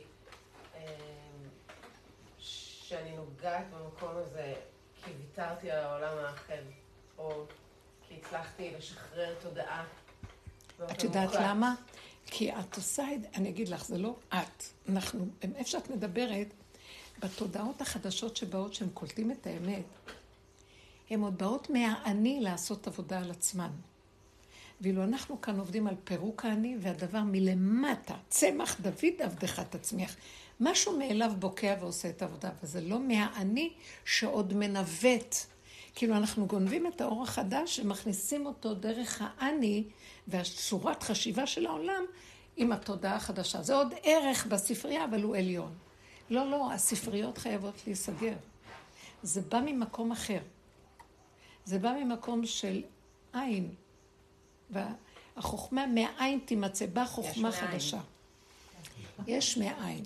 זה משהו אחר, זה מאוד עדין ודק. והדבר היפה שיש בו, זה שזה קורה בלי שאני אהיה נגועה. בלי שאני אתאמץ להיות בעניינים. אין לי כוח להתאמץ. עכשיו, אני לא מחליטה, אני לא רוצה להתאמץ. הוא באמת מביא אותי לגבוליות, כמו תינוק שאין לו כבר כוח. ההתבוננות המתמדת בגניבת דעת שיש פה יוצרת לי מצב של אין לי כוח להתפעל מכלום. ואז אני רואה שכשאני יושבת בכלום, כל הזמן משהו, סיבות באות ומחברות אותי לפעולות, ואני פועלת, אבל זה לא שלי. גם באמצע הפעולה אני יכולה לעזוב, אם הוא יפסיק אותי, זה לא אכפת לי. כמו שדיברנו קודם. ושם יש רגש? איך, איך? לא, שם יש רגש, נגיד כאב, חבר שלנו מת, יש כאב, יש לו מקום. יאללה, אף אחד לא מת. את לא מבינה. תודה חדשה, היא תראה לנו. אף אחד לא מת, כולם חיים, הגוף רק נעלם נכון, קצת. אבל אנחנו לא נוכל לדבר איתו יותר, עכשיו פה בעולם לא נוכל לגעת בו, כואב. אם את תהיי בתודעה החדשה, תדברי איתו, אז תשמעי אותו. אתם לא יודעים איזה תודעה חדשה מדהימה יש. אנחנו, הכל חוצץ, המוח הזה חוצץ. לא מתים, לא מתים. כבר לא להיבהל מהפיגועים, לא מתים. הם באים מפאזות אחרות, והכל כאן רוכש וחי וקם והולך ונושם, וגם אני מתה כל רגע, מה חשבת? מה שהייתה היית רגע קודם, את לא אותו. זה, יש כאן איזו הטעיה. נכון שזה קשה שהגוף נעלם לנו. אני, אין אפס, אני לא מדברת על... אני נותנת אפשרות של הכרה של משהו גבוה. אבל יש רגעים, בוודאי. אבל אחרי רגע שזה קורה לי, כמו שהיא אמרה, אני אומרת לעצמי, תקשיבו, אבא שלי נפטר לפני 16 שנה, עליו השלום. היה אדם גדול. בדרך, הוא היה בדרך ובאמת. עכשיו, הוא ישב על הכיסא והוא נפטר. וכמה ימים לפני שהוא נפטר, אני ראיתי אותו כאילו במצב ש... באתי אליו כל יום. הוא לא רצה שנוציא אותו מהבית, אבל פחדתי. כי הוא לא רצה לאכול כלום. זה, אומר, אני לא אוכל. הוא היה כמו מלאך השם, יושב על הכיסא עם הטלית שלו, ויושב, ו... והוא אומר לי, אני רק מבקש מכם, אל תצטערו על כלום. זה יעשה לי צער אם תצטערו, כי אין שום צער. אני, בשבעת ימים שאתם יושבים, שבעה, אני נמצא בשבעת ימי המשתה עם הבורא עולם. זה ימי משתה. אתם עושים מזה כי אתם מסכנים, קשה לכם להיפרד. אבל זה מפריע לנפטר. ככה הוא מדבר איתי. ואז הוא אומר, אני לא אספק לכם את זה, הוא נפטר ערב יום הכיפורים. ולא ישבנו שבעה, יום אולי. יום, יום לפני, יום וקמנו. והרגשתי שהוא יושב ונעלם. וזהו. עכשיו, הייתה תמונה בחדר שישבנו את היום הזה וראיתי אותו מביט בי. איזה בהירות. ידעתי שהוא בחדר, וזהו. הכל היה רגוע ושקט ופשוט, והוא גם, זה היה מצב שפשוט, זו חוויה שהוא נתן לי להבין, חבל לכם על הזמן. רב אושר אמר לא להתאבל. הנשמה יוצאת מהדלת הזאת, נכנסת לדלת אחרת. להתאבל. טוב, ההלכה אומרת שיש שבעה ימים וצריך לשבת והכל בסדר. אנחנו לא מפרקים את ההלכה. ההלכה, ברבי חיים ויטל, בהקדמה של ספר עץ חיים, הוא קורא למשנה, שזה משם ההלכות, שכתב יהודה הנשיא, שפחה לעומת הגבירה, שזה עולם הקבלה ועולם האמת של עולם האצילות, מה שאנחנו מדברים, תורת האצילות. הוא אומר, זה שפחה לעומת הגבירה. אין ברירה, אנחנו כאן בעולם, יש כל מיני סוגי אנשים, וזה מכסה את הרובד הכללי של כל מיני. אבל באמת, באמת, אם אדם בנקודה הנכונה שלו, אני חושבת, זה מתחבר לי משהו שכאילו... סליחה שאמרתי. לא, זה רגע לא, צריך לא, יחס, בסדר. בגלל שבאמת זה נכון, במוחש נעלם איזה חבר. עכשיו תקשיבי, רק סליחה חנן. אותו חבר שנעלם, אני יודעת שהוא תקשיבי, זה לנו פשוט זעזוע, כי אנחנו בתודעה כזאת של הגשמה, וזה נעלם לנו, המגושם נעלם. אבל באמת, באמת, אל תתני למחשבה הזאת לבלבל אותך. ואז תראי שגם זה לא יחסר. כן עושים את הפעולות שצריך לעשות, יושבים וזה, כן עושים לעילוי נשמתו משהו, אבל בלי הצער הנלווה של... הצער הוא יותר, זה כמו הזעזוע של האדם מדמיונו שנעלם לו משהו, זה לא בגלל הנפטר, הבנתם מה אני מתכוונת? זה המערכת של האדם עם עצמו בשוק. כי הוא לא הכין אותה, היא לא מערכת, מערכת שגונבת את האדם, אז הוא עכשיו בשוק עם המערכת שלו. זה קשה, כן, זו תודעה לא קלה. אבל מי שעובד עם זה, והחיים גם, אם הוא ערני ורואה את צער החיים והסבל, מה את בוכה? הוא נגעל. לגמרי, אבל אני אתן לך עוד דוגמה. למשל, הייתה לנו שריפה בבית לפני כמעט שנה, וזה היה איזה מין קטע כזה שפתחתי את הדלת, ראיתי את זה, הבת שלי ישנה למטה, ופשוט התנתקתי, כאילו לא הרגשתי כלום כדי שאני אוכל לפעול. יפה. גאונות. יפה. לא, לא זה שלי, בורא לא עולם. שלי, זה בורא עולם זה לגמרי, בורא לא היה לי. שם שום בחירה. זה בורא עולם, בדיוק. כן, אבל אה, יומיים אחר כך חברה עשתה לי איזשהו טיפול, ואז אה, שחזרנו את מה שהיה כדי שאני ארגיש, ואז הרגשתי את הדבר, והרגשתי שאם אני לא הייתי מרגישה את זה לרגע אחר כך, כי זה כמו הדחקה הרגע הזה שאני לא מרגישה. ואז כשכן הרגשתי, זה יכל להשתחרר ולזרום, ואז חזרתי להיות רגילה. את מבינה מה אני מתכוונת? כן, אני כאילו מבינה את זה. אבל אני אומרת שבן אדם שעובד בדרך שלנו, הוא לא צריך את המקום הזה של הטיפולים וזה, כי רגע רגע הוא מטפל בעצמו. הבנתם מה אני אומרת? כל רגע, הכל נמצא ב... אני, זה כאילו, יש לי פנס ששמתי אותו על עצמי, ואני כל הזמן רואה את התגובות שלי. ואני רואה שאני, עכשיו בכלל אין לי שום רגש ואני פועלת. אני אומרת, אבא זה אתה. וכל דבר אני רואה, אנחנו מזהים, אז לא צריך שאחר כך תבוא מישהי ותעשה לי את הטיפול. זה נכון שזה טוב מה שעשית, אבל האדם צריך לעשות את זה לעצמו רגע, רגע. כי אני, אני בדעה שאף אחד לא יכול לטפל באף אחד חוץ מהאדם בעצמו באמת. כי נכון שאחרים מטפלים בנו, אבל זה לא כמו שהאדם בעצמו, כי האדם הכי קרוב לעצמו ויודע את נגעי עצמו, אם הוא באמת שם לב ועובד. אף אחד לא יכול לעזור כמו שהאדם לעצמו. לא תפילת. החולה על עצמו היא יותר גדולה מכל תפילה של, הש... של השני והרביעי על, ה... על החולה. אתם מבינות? שהאדם מעצמו פותח את הפה ומדבר על נקודתו, תפילתו נשמעת יותר משיהיה. מאה אנשים יעמדו ויתפללו עליו. אבל הנקודה זה לא משנה אם היא גרמה לי להרגיש או אני הייתי גורמת להרגיש, אבל כן הייתי צריכה להרגיש את הדבר הזה בשביל, כי כאילו, בשביל לשחרר את מה שנעצר נכון. באותו עכשיו, כשאני רגע, של עכשיו את היית, צברת את זה, ועכשיו את צריכה מישהו שיסיר את זה. בצורה שלה. וכשאת לוקחת את מציאותך, ואת רואה את הנקודה, ואת מפרקת את הרגע, ועוד רגע ועוד רגע, את לא צריכה, אין לך חתיכה גדולה. מבינה מה אני אומרת? כי כל הזמן את שמה. זה דופק, את רואה. ואת מסתכלת, ואת מדברת. אנחנו בדיבור, התבוננות, הכרה, אמירה, הודעה באמת, הסכמה. הסכמה לזעזוע. מה את מזדעזעת? כן, אנחנו מזדעזעים בגלל שאנחנו לא בתודעת חיבור עצמי שכל הזמן דופק ורואה. אז צריך להזדעזע פעם גדול. אבל אם את בזעזוע קטן, קטן, קטן, קטן, תפרקי את הכל כל הזמן, זה טוב. אדם צריך להתפרק כל רגע, כל רגע. שיש לו הרגשים. כשהולך לו שלב, גם זה אנחנו מסתכלים.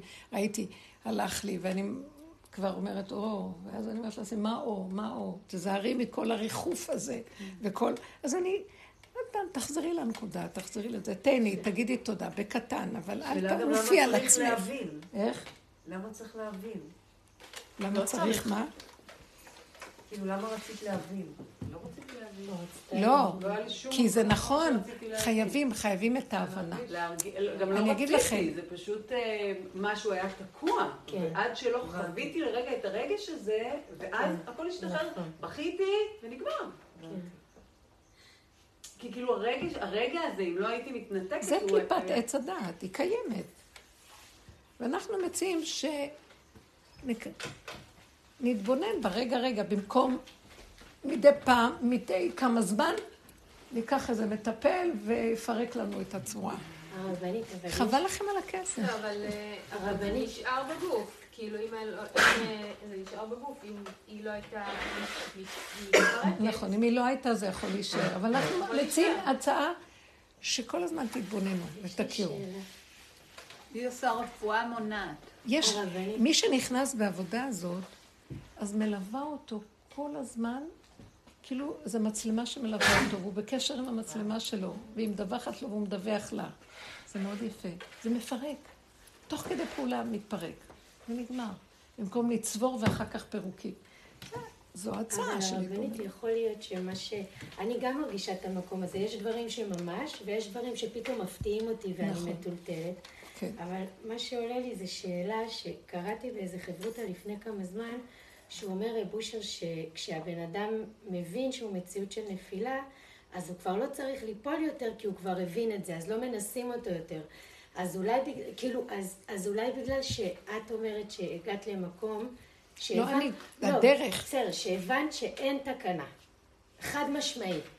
אז אולי בגלל זה, זה פחות מטלטל אותך, וכאילו נגיד אני חושבת על עצמי, כן. אז אני ממש רוצה להיות במקום הזה, אבל יש לי שם ספק, בא לי אולי כן יש תקנה, אולי את יכולה, אולי יכולת, את מבינה? אז אני אגיד לך משהו. בואי אולי? ניתן תשובה למקום הזה. כשאני מדברת על המקום שלי, זה לא שהבנתי שאין תקנה. הגוף שלי קלט. אבל אין לך ספק חנה. הגוף שלנו מזמן שם, המוח לא נותן לו, בדיוק, ההבנה מפריעה. נכון. לא רוצה להבין. נקודה, הבנה מטעה, היא, גור... היא גונבת, היא פסיכולוגיה. נכון. היא לא אמת. היא נותנת לאדם תחושה שהוא הבין מה נקודתו. זה נחמה פורתא, אבל זה לא פותר לו את בעייתו. בעייתו גם לא קיימת. זה פשוט. לא, יש משהו אחר שבשנייה יכולים לפרק אותו ונגמר. אבל זה יושב ואנחנו על זה, נכון? אה? זה יושב על זה, על ה... זה יושב בזה, ואז ההבנה באה. הבנה היא מחשבה, והיא דבר גבוה. ואז יש לה כן ולא, ואז יש לה ספק, ויש לה טוען ונטען, ומה שביניהם לא ייגמר. תוותרו על ההבנה, לא מבין, לא יכול לסבול, שלום, לא מבין. לא מבין, לא רוצה להבין, לא רוצה לדעת. לא רוצה כלום, אני לא, לא מוכן לסבול. אבל את לא מאמינה שזה קורה בהדרגתיות מסוימת? כן, זה שנים. זה עבודה של שנים, אוקיי. ודאי. אבל שנעבוד נכון. כאילו מצב שנעבוד נכון. מה שאת אומרת, ומשהו חדש מתגלה. רגע, מה שאת אומרת, לפי איך שאת אומרת, תדעו לכם שאנשים תקועים בלופ של האני שחושב שהוא יודע, אבל צריכים לתפוס את הדרך הנכונה. תראו, זה דרך של צדיקים, זה דרך של חכמים, זה דרך של התורה הקדושה, זה דרך שהיא לא שלנו, זה כוח אלוקי שבא ונתן כלי עבודה. אה, יש הרבה הטעיות בעולם של המודעות והתודעה, ויש הרבה גניבת דעת שם. ואנחנו באים ממקום של אה, כמה תשובה עשינו, כמה יום כיפורים, כבר אי אפשר לסבול את זה. כי מח... אני אומרת על חטא, על חטא, על חטא, מחר עוד פעם אני אעשה את אותו דבר. אני לא יכולה יותר לסבול את המציאות הזאת. אני צריכה להכיר שכאן יש איזו אחיזת עיניים. ואני לא מוכן. אני לא מוכן. הש... המקום של הגבוליות האמיתית שלנו כבשר ודם, היא הישועה לישועה הגדולה של הגאולה, ואנחנו לא מוכנים לתת אותה. כי המוח הוא יסוד האוויר, הוא חושב שהוא עוד יכול. יש לו מרחב לא אווירי, ואילו הגוף. מוגבל. לכן יש הרבה אוטיסטים היום. השם מוריד כל... הוא אומר, עד שיכלו הנשמות בגוף, אין בן דוד בעד שיכלו הנשמות, שיהיה גוף בלי נשמה. אתם מכירים את זה? תראו, אנחנו, נצ... וזה קשה לבן אדם. כאילו, אדם הולך ומכבה אורות. מחברים אורות, כיבוי אורות, אין שכל, אין דעת, אין הרגשה, אין הבנה. כמו שיממון, אז מה נשאר לי? אז היו בנות אומרות את זה בשיעור. אז מישהי אמרה, מה נשאר לך? אמרה לשנייה. אז תאכלי. אז אמרה, אכלתי. אז אמרה, אז תלכי לישון, ישנתי. אז תשני עוד פעם ותאכלי עוד פעם. ככה היא אמרה לה. וזהו. וכולם התחילו לצחוק. כמו ילד קטן, מה הוא עושה? הוא קם, אחר כך יש לו באמצע רגיעות, ואז הוא לא בתודעה של האני. משהו קורה ששם מתגלה משהו חדש, אתה מבין? זה מאוד קשה לבן אדם, כי יש לו רשימו של ישות, ושכל, ויכולות, ואפשרויות. זה מאוד יפה, זה שמה, זה תודעת שמיים, אבל רוצים מאיתנו כמנהגו לסגור את השמיים ולפתוח משהו חדש. וזה נורא קשה לבן אדם, אבל מה, מה יעשו כדי שהוא אה, ישתף פעולה? ידחקו אותו לקיר עד שלא יהיה לו אוויר, ויגיד, טוב, טוב, אני חייב לחיות. הוא פשוט יוותר על הכל, כי הוא יגיד, טוב, אני, אני צריך קודם כל לחיות אני בהרגע רוצה וזהו. לשתף אה, משהו. מה? אה, לפני שנתיים וחצי הבן שלי נפטר, וכל מה שאת אומרת, בתקופה הזאת, כאילו, הבנתי, ממש, כאילו, את מדברת על המוות, והייתי במקום הזה לאיזה תקופה, ויש לי מלא געגוע לשם, בתקופה הזאת. כן. שכאילו אתה מבין שזה הכל כלום, וכאילו אתה רק שמח כאילו במה, ב- ב- ב- ברגע שאתה נמצא בו. ממש מתגעגעת לשם. תמיד תיארתי את זה שכאילו זה פשוט תקופה שאלוהים היה בתוכי. זה מה שהרגשתי. ו- זו מתנה שקיבלת אז, ואחר כך חזרנו לתודעה. פה. התודעה פה עכורה, היא מלאה כאב. יש רחמים על העולם, יש רחמנות על הבני אדם. אתם יודעים, יש רחמנות על העם הזה, יש רחמנות. הוא אומר, תנו לי להיכנס, אתם תקועים, הכל תקוע פה. יהיה לכם חיים טובים. איך אפשר עוד להגיד? מה, אז מה אתה רוצה מאיתנו? תתכווצו פנימה לתוך עצמכם, שם אני מתגלה בשנייה והכל בסדר. זה רק אשליה והדמיה. וזה היסוד של תחיית המתים. יקומו לתחייה מול עיניכם, אין כאן היעדר. הכל נמצא פה, אנחנו רק לא רואים. זה קשה איך שאנחנו חיים, זה נורא ואיום התודעה הזאת. אנחנו עוד חושבים, יש כאן סיפוקים, ריגושים, עולמות, זה בריחה. זה לא נגיעה בנקודה. אבל אנחנו חייבים את הגוף הזה בשביל להתפתח, כן? איך איך? אנחנו חייבים את הגוף הזה בשביל להתפתח. אה, אני אגיד לכם משהו, שאני, זה סוד מאוד גדול. תודעת הנשמה, הנשמה יושבת מחוץ לגוף, כתוב. נפ... רוח בתוך הדעת, והנפש היא בתוך המידות, ויש גוף. הנשמה של הנשמה זה האור הגנוז. היא יושבת במעיים של הגוף. איזה סתירה זאת. איך הרמח"ל כותב, בגמרא כתוב, ביבמות, אני לא יודעת איפה, שידע האדם שקדוש שרוי בתוך מעיו. זאת אומרת, הקדושה, באמת, באמת, הנשמה לא יכולה להיכנס לגוף. זה האורה או אני לא יודעת איך קוראים לזה. אור הנשמה לא נכנס. אבל הנשמה של הנשמה מחפשת את המעיים, איפה שהכי מלוכלך בגוף. היא אומרת, תנו לי את הלכלוך, אני נותן לכם את האור. תביאו את ה... אה, זה כמו בהומופתיה, תנו לי את הפגם או את החולי ואני אביא לכם. אני אקח את החולי ואני עושה ממנו רפואה. תנו לי, תנו לי את התודה, תנו לי, תסכימו לי. ואנחנו לא מוכנים, כי אנחנו הולכים בחיובי, לא, לא, לא, מה פתאום, אני חולה, אני לא... אנחנו מכסים, מכסים, ולא מבינים שהישועה שלנו נמצאת דווקא איפה שההיעדר נמצא. אם נודה בדבר, וזה מאוד קשה לתודעה החיובית הזאת, להודות בהיעדר, בחוסר אונים, באין אונים, בכלום. מאוד קשה, כי זה תודעת יש. אבל זה ההתאמנות שלנו, להגיע למקום של הכלום ובלי עצבות, כי גם העצבות תוכיח לי שאני עוד רוצה משהו. לא, כי ככה. זה מאוד קשה, זה התאמנות. ועם כל ההתאמנות, עדיין אני לא מוכנה. לא מוכנה לוותר שאני משהו. עד שלא יבוא הגבול ויגיד לי, רבאק, עוד רגע את מתה. בקושי את נושמת. ואין לך כוח, וההוא ממשיך להרגיז אותך. תמשיכי להתרגז, תמותי. מי שווה כאן יותר? ואז אני אומרת, טוב, לא נלחמת יותר על כלום. עד שאדם לא יגיע למקום הזה, חבל שיכו אותו כדי שיגיע. הוא יכול להתבונן ולמנוע מכות קצת. יש מקום כזה שהבן אדם הוא רגיש ודק, והוא מכה עשר מכות מספיקות, לא חייב חמישים. שימו לב, המוח יעשה הכל לגנוב אותנו, לרחף אותנו מהנקודה של הגוף, ואז כאילו לא חווינו כלום. הבו לנו עוד מכות, הבו לנו איסורים וניסיונות. אנחנו צריכים להתחיל לחזור אחורה, אחורה, אחורה. תסתכלו, תתבוננו, תכירו. זה מה שאליהו הנביא יבוא להגיד לנו, שובו, שובו אליי. למה לא? למה לא קדימה? כל הזמן אנחנו בתנועת קדימה בתודעה פה. מי יותר, מי יכול, מי מגיע, מי, מי הטופ, מי העליון, מי ה... איזה שקר, זה גנבת דעת נוראית. איזה עליון? לא ראיתי אחד שהגיע לשום עליון. זה רק נדמה לנו, זה סיפור, מספרים סיפורים פה. לא יודעת. אותו אחד שהיה בעליון, אם הוא באמת היה עליון, הוא ידע שהוא הכי תחתון, וזו מדרגתו. כמו משה רבנו. וה, והאיש משה ענב מכל אדם. ואנחנו אומרים, אוי, משה רבנו היה ענב. ואז אנחנו אומרים, לא, הוא היה ענב מכל אדם. מה אתה שם אותו שם? כי התודה ישר מסווגת אותו בגובה. לא, לא, הוא הגיע למקום, איך הוא נהיה ענב, שהוא הרגיש שהוא כלום שבכלום, הוא פשוט ליחך את העפר התודעה שלו. אמרה, מה אתה מוישה רבנו עם כל הגדלות שלך? בשנייה אחת אתה אומר לשון הרע לעם ישראל, השם מחטיף לך, מי אתה בכלל? הם יותר ממך. מה אתה מרים עליהם את האף?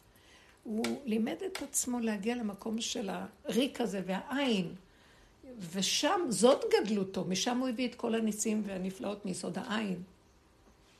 מה אומר לו משה רב... השם אומר לו במעבר ים סוף, מה אתה מתפלל וצועק אליי? אז אם לא לצעוק עכשיו שהמצרים מאחורה והים מקדימה ויש לי עם להנהיג פה, מה אתה רוצה שאני אעשה? אני לא רציתי להנהיג, אתה הכרחת אותי בכלל. אז הוא אומר לו, טוב, עכשיו תשתוק ורק תלך קדימה. דבר על בני ישראל וייסעו. אני כאן פועל, זה לא קשור אל השכל שלך ולא לתפילות שלך. תהיה כלום, עין, ונחשון נכנס למים ואמר, אני אמות, מה יכול להיות? שאני אמות, עין. שם נבקע הים. האיש, האור הגנוז מגיע איפה שאדם מגיע לזה. גם דוד המלך אמר. ואנוכי בר ולא אדע בהמות הייתי עמך. כל מה שהוא ידע, כל מה שהוא עבד, מה, מי, לא, מי עבד כמוהו בעבודת השם. בסוף הוא אמר, אני, אני עבדתי, אני עבדתי על עצמי, אני לא עובד כלום. אין כלום, זה דמיון. המקום הזה שאנחנו מוכנים להגיע אליו ולהוריד ראש, וגם לא להיות עצובים שאין כלום. כי אם אני עצוב, אז אני עוד הייתי רוצה שימשיך להיות, הבנתם? לא, הוכחה שאין, אז אין. זו חוכמה גדולה, אבל החוכמה הזאת באה מהבשר. כי אני לא יכול אחרת. זה לא שאני משכנע את עצמי, באמת הגבוליות גומרת עליי. והוא יביא את כולם, כתוב את זה בפרשת תאזינו. אה, כי יראה, כי אוזלת יד ואפס עצור ועזוב. השם יביא את כולם למצב של אין אונים. אה, קצת בקורונה הרגשנו את זה, אבל היה איזו הערה בקורונה. עכשיו הוא יכול להביא אותנו בלי הערות למקום הזה. עוד היה איזה חסד, זה היה עוד... נתן איזו תחושת חסד עם זה.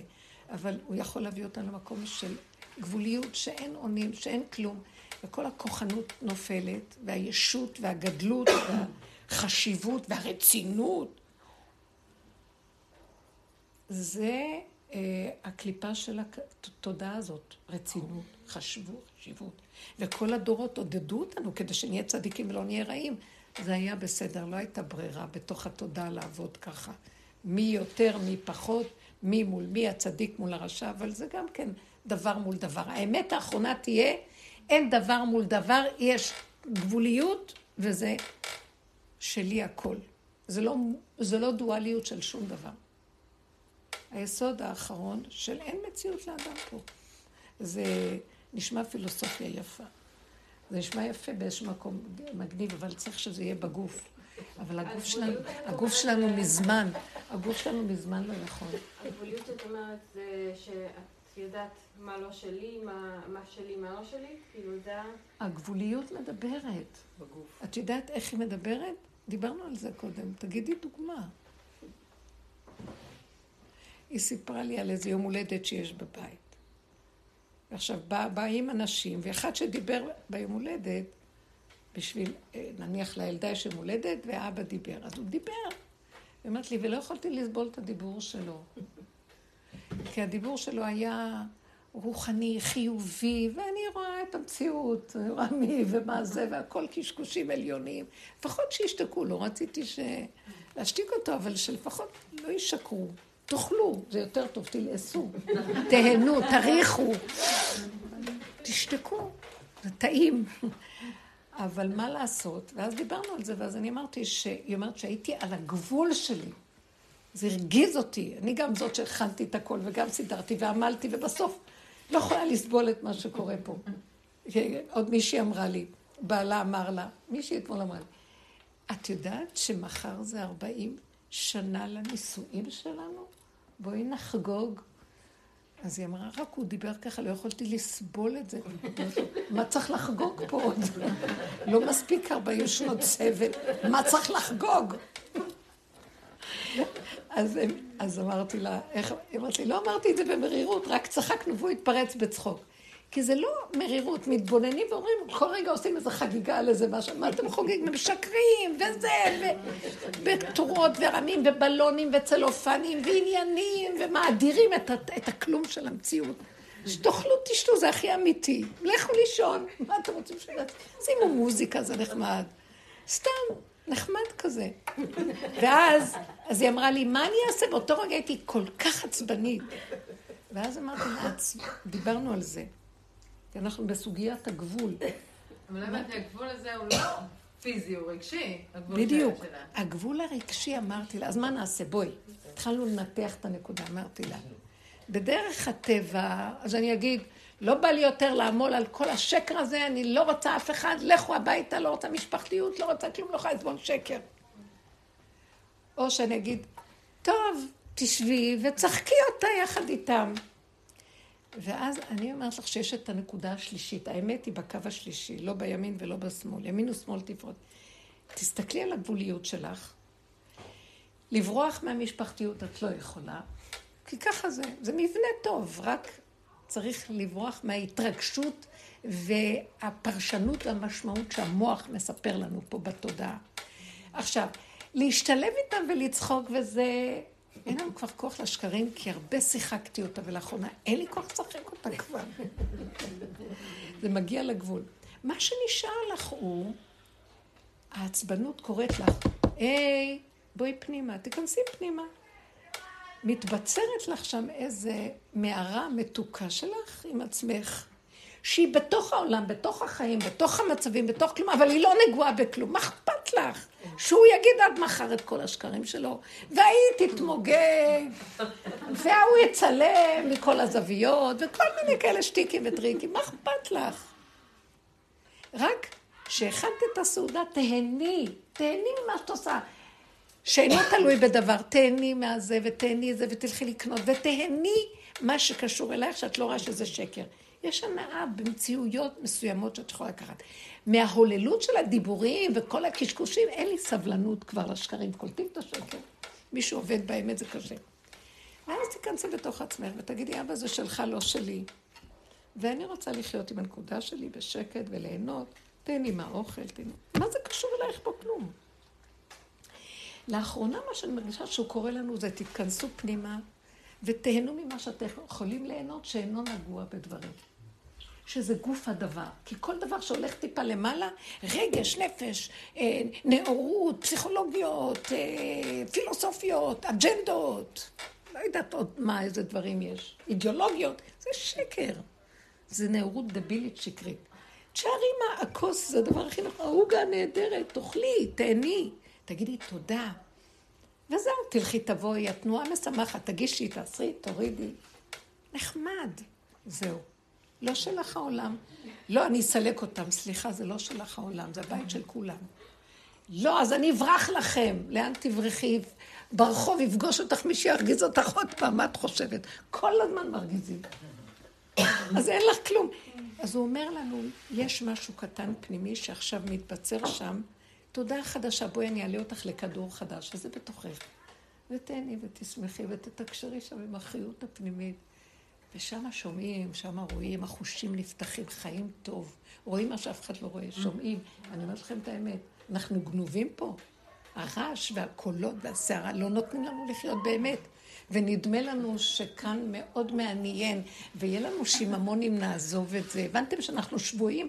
כמו שהיו כאלה, 80 אחוז לא יצאו ממצרים. הם אמרו, למה היה נחמד בממלכה של פארוי? אז מה יש אם נעבוד קצת? ומה יש אם יעשקו אותנו? לא נורא, אבל בכל אופן יש כאן חיים, קניונים וכל מיני דברים, ויש כאן עולם. אבל 25 יצאו. ומה? דפקו להם את הצורה. אמרו להם, קחו עול ותתחילו לצאת מהתודה, אבל זה לאט לאט. אבל עכשיו זה הסוף שלה. די, חבר'ה, הוא אומר, די, אני ראיתי את הצער שלכם, ראיתי את הסבל שלכם, אני שומע את הקולות. ואני רואה שכמו במצרים, ותעל שבתם אל האלוקים.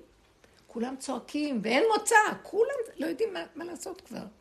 אז זה קטע שאת אומרת שאנחנו כאילו ממש קרובים לשיא הסבל, שאנחנו מרגישים שאנחנו חיים בשיא השפע.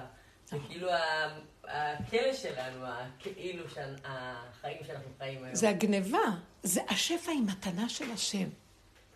אבל הוא גונב אותנו לכיוונים אחרים, להרדים אותנו עוד, ואנחנו צריכים להיות ערניים. אני כן, למה שלא יהיה שפע? אבל זה לא שלי, רק מה שאני צריכה הרגע זה שלי. לא, אני רואה חנויות, אני רצה לקנות את זה ואת זה ואת זה. אני רק נכנסת בחנות, גונבים אותי, עוד לא ידעתי מה אני רוצה לקנות. לא נכנסת בחנות. אבל יש דברים קטנים שאני שמחה שיש שפע בעולם, זה מראה לי שזה ימות המשיח. כתוב שיש שפע גדול בעולם. זה טוב. זה שלא יתברך, זה לא שלי. אבל אנחנו גרידים, רוצים את השפע, רוצים את הזה, מתחילים... לא, הכל קטן, ממוקד, איפה בתוכי. בכדור החדש זה הכל קטן, כאן ועכשיו, שיש בו הנאה והכרת הטוב, קורבן תודה. וכתוב, אה, והנותר בציון קדוש יאמר לו, לא יישארו הרבה.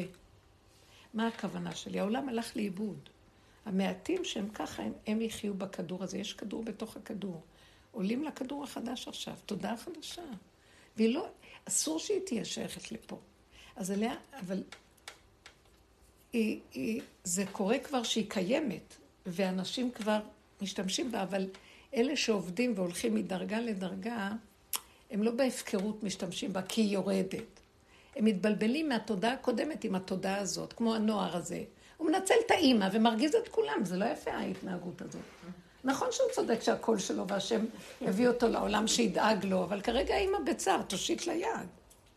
זה, יש כאן הפקרות. בתודעות החדשות שבאות, אה, לפעמים אין, לא יודעת איך להסביר, אם אין כאן את העבודה הנכונה. עכשיו, מה ההבדל בין הנוער שעושה ככה, זה הקול שלי, מה הבעיה? זה הזות. לבן אדם שהוא חי במקום, הוא אומר, הקול שלי פה, אבל אני רק כרגע צריך את זה, אז הרגע אני לוקח רק את זה. תודה. תודה. הבנתם את ההבדל? זה לא מצפצף, לוקח, זה הקול שלי, כי עוד הישות קיימת. ככה, ובקטנה הוא נכנס לחוק ההתמעטות והקטנות, שיש רק רגע ורק נשימה והכל קטן, ויגיע עד אליי, ואין דאגה, מה יהיה עוד רגע? לא מעניין אותי. כמו שהביאו לי את הרגע הזה, יהיה גם הרגע הבא. ואני רואה שהדור החדש, הם בתודעה של אה, לא לעמול ולא להתייגע, אבל הם רוצים להיות מיליונרים, ואז הם דואגים איך הם יהיו מיליונרים. זה לא אותו דבר, אתם מבינים מה אני אומרת? יש, יש סממנים שמגיעים, אבל זה צריך כלים מתאימים. כמה זמן זה התודעה החדשה הזאת? כמה זמן מה? כמה זמן מבחינתך את כבר מזהה שזה התודעה החדשה הזאת? אה, אני אגיד לכם, זה נקרא תודעת בן דוד. בן דוד כבר נמצא כאן מתחילת הדורות, אבל אנשים לא שמים לב אליו כי העולם לא היה מוכן. אה, אה, רבי יהושע בן לוי פגש את רבי, את אליהו הנביא, אחרי חורבן הבית, כך כתוב. רבי יהושע בן לוי, אחד מהתנאים, ואמר לו, אליהו, מתי יקרא תימר? מתי יבוא משיח? אז הוא אמר לו, היום, אם בקולות תשמעו. הוא נמצא כל הזמן. התודעה הזאת קיימת בכדור, כמו שכל הנשמות קיימות פה, את יודעת, ואנחנו לא רואים, הכל פה. זה רובדים על רובדים על רובדים. כל, הג... כל החלל פה, כל הגלקסיות, הכל פה התחום. זה כדור שמכיל הכל, זה המיוחדות בתוך... למה הכדור הזה, ארץ ישראל, שזה נקרא ארץ, שזה earth, כל הכדור, זה כדור קטן בתוך כדור גדול. כל הנציגויות של כל העולמות שייכות פה. בשביל זה השם כל כך אוהב את המקום הזה. זה מכיל את הכל. אז הכל נמצא פה ואנחנו לא רואים. כי המח... העין, אנחנו, התודעה מכסה, זה כמו עננים, ערפילים חשוכים על התודעה. ואז המקום הזה כל הזמן קיים. מי שעובד, אז לאט לאט מגלה אותו, גילו אותו כבר. יש מצבים שהוא מתגלה יותר ובא והולך, אבל עכשיו, זה, זה כאילו, הוא אומר לנו, זהו, כבר אין זמן. יש זמן לדבר, כאילו, יש זמן לתוכנית הזאת של העולם והיא מסתיימת. אז זה הזמן שלה עכשיו להסתיים. מה שאנחנו רואים עם כל מה שקורה בעולם, זה רועד. גם עם הגל הקודם של הקורונה, זה היה פתיח. העולם רועד. יש משהו במה שנקרא, בפעימות, שזה מגיע. ואז אנחנו פשוט למה? כי הוא רוצה לתת לבני אדם זמן הכנה, כי חבל לו על ה...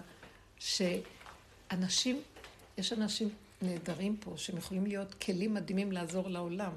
אז הוא מחכה שיתעוררו כדי שיהיה כלים שדרכם התודעה הזאת מתגלה והוא יכול להביא ישועה לעולם.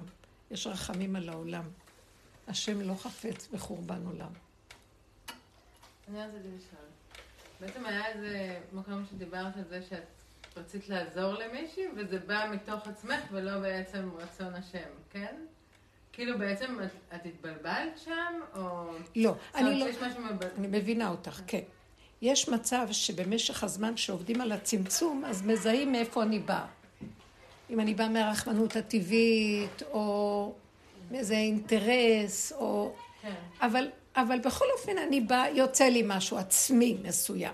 אז עד פה אני לא תמיד יודעת לזהות. אוקיי. אבל בא משהו לקראתי ומראה לי. כן. כמו. שאותו אחד. ההוא בא לקראתו, הבן שלך לא שם לב, היו איתותים שההוא הולך לכסח לו את הצורה, סליחה על המילה. והוא לא קלט, הוא רגשי, הוא לא קלט, הוא מתמסר מדי לשני, מה אתה מתמסר? מי נתן לך רשות למסור את הנפש שלך, שהשני ידרוך עליה? אתם יודעים, כל נפש היא הדבר הכי קדוש שיש לבן אדם, זה השכינה שלו. מי נתן לך רשות שאתה לוקח את הגבול שלך ופורץ אותו לכל אחד? ידרשו את זה מהבני אדם, אנחנו הלכנו לאיבוד פה. בתואנה שאני אעזור, אני אוהב אותו, אני זה, אני אוהב.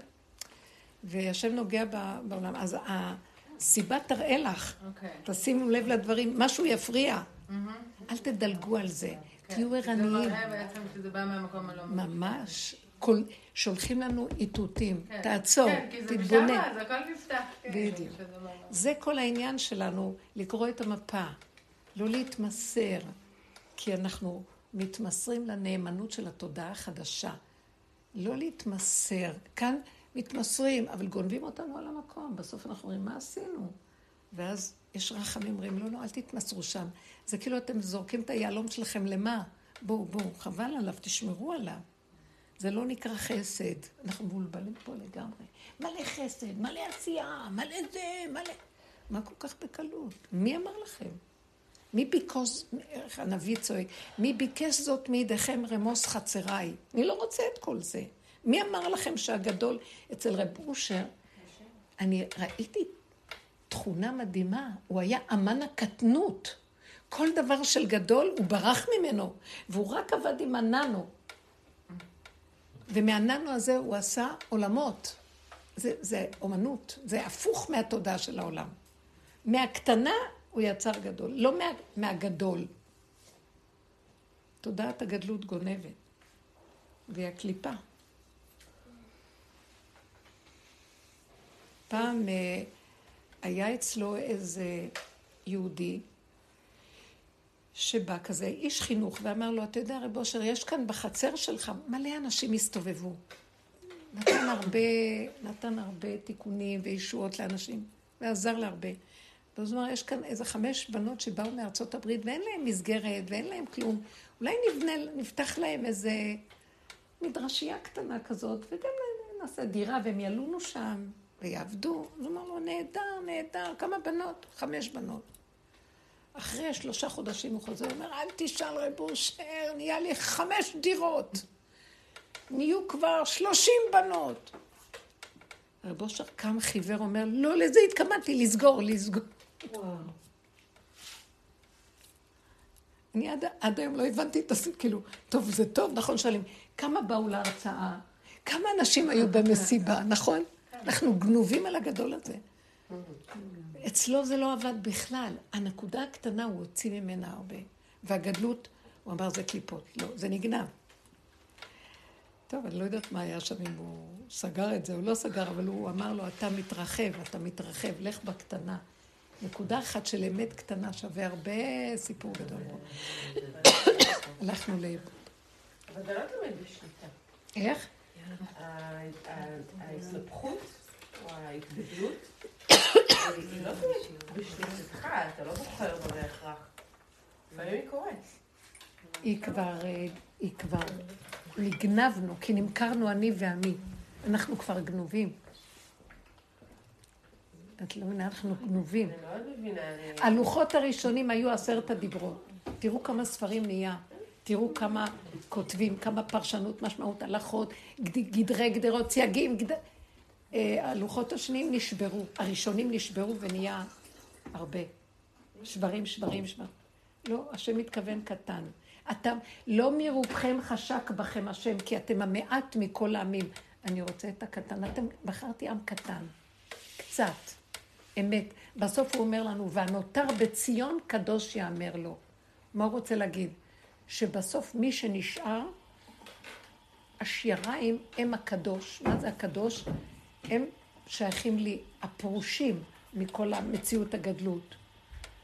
מה זאת אומרת? מה, אתה רוצה לחסל את האנושות? שלא יהיו אנשים? נבהלתי מזה.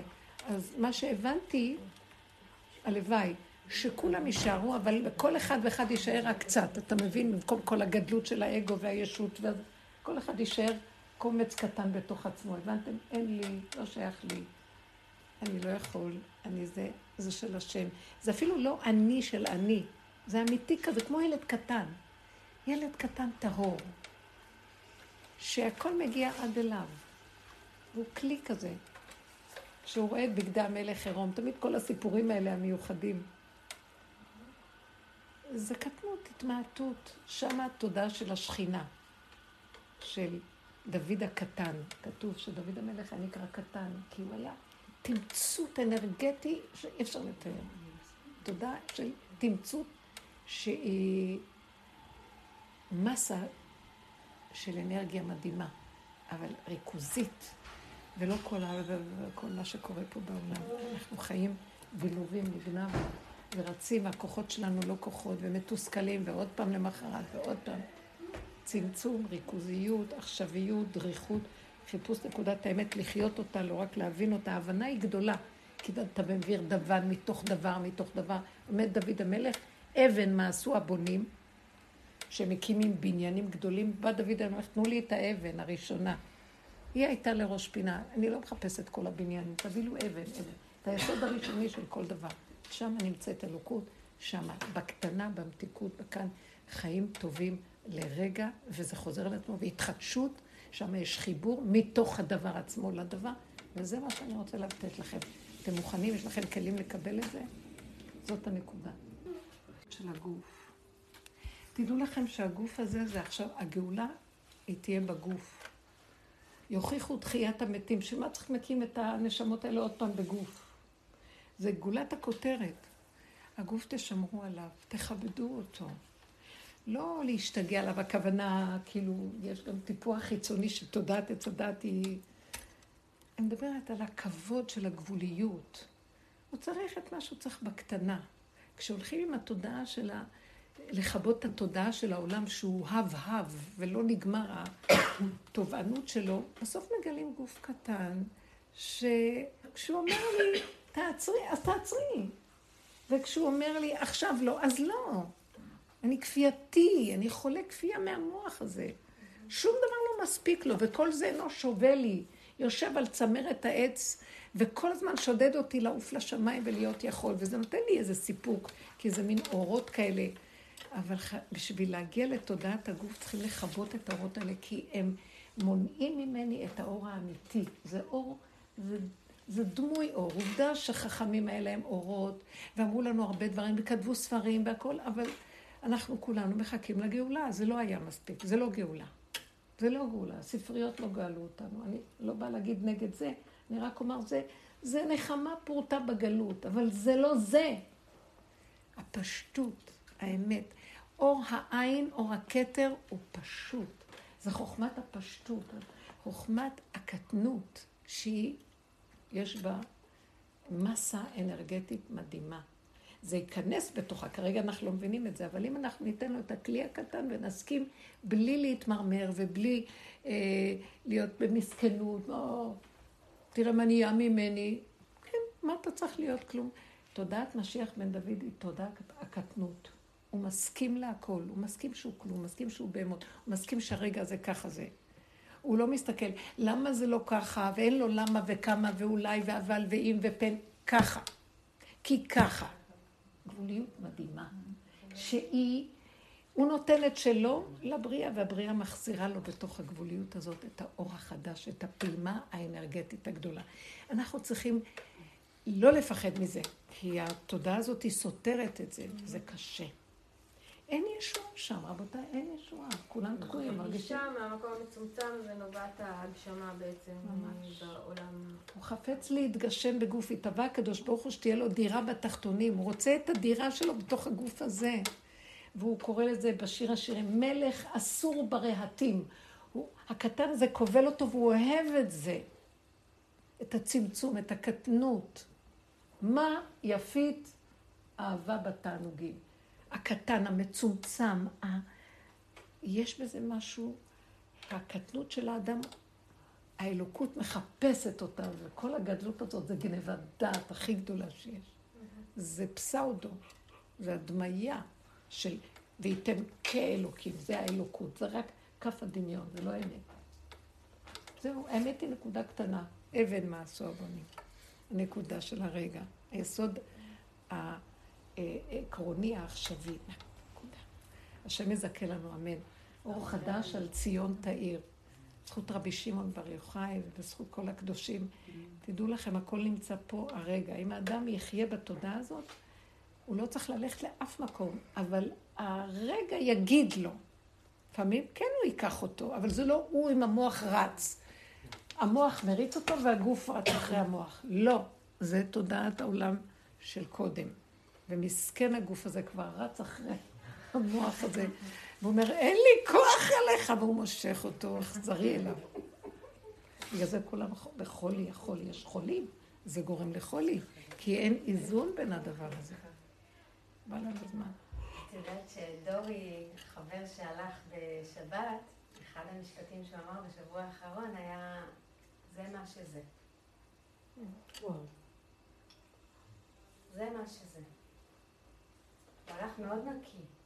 זה יפה. זה, ההסכמה לאיך שזה ככה. זה מה שזה. איך שזה ככה, אין מה לחפש. ויותר בהגשמה של הדבר. ככה. אנחנו פה צריך להעריך את זה, להוריד את המוח מהגדלות והריחוף, חטא הריחוף. לחפש להיות כמו אלוקים. ואלוקים אומר, אבל אני מאחוריך קטן, מה אתה מחפש אותי בשמיים? תודה רבה לכם. תודה רבה לכם. אני אוהבת, לבוא לפה, שיהיה לי עילוי נשמת הדורי היקר הזה, מרגישים אותו, זה ההשראה שלו הדיבור. זה ההשראה שלו. השם יזכה לעם ישראל ישועות של נצח, אמן כן רצון. אמן. תודה רבה.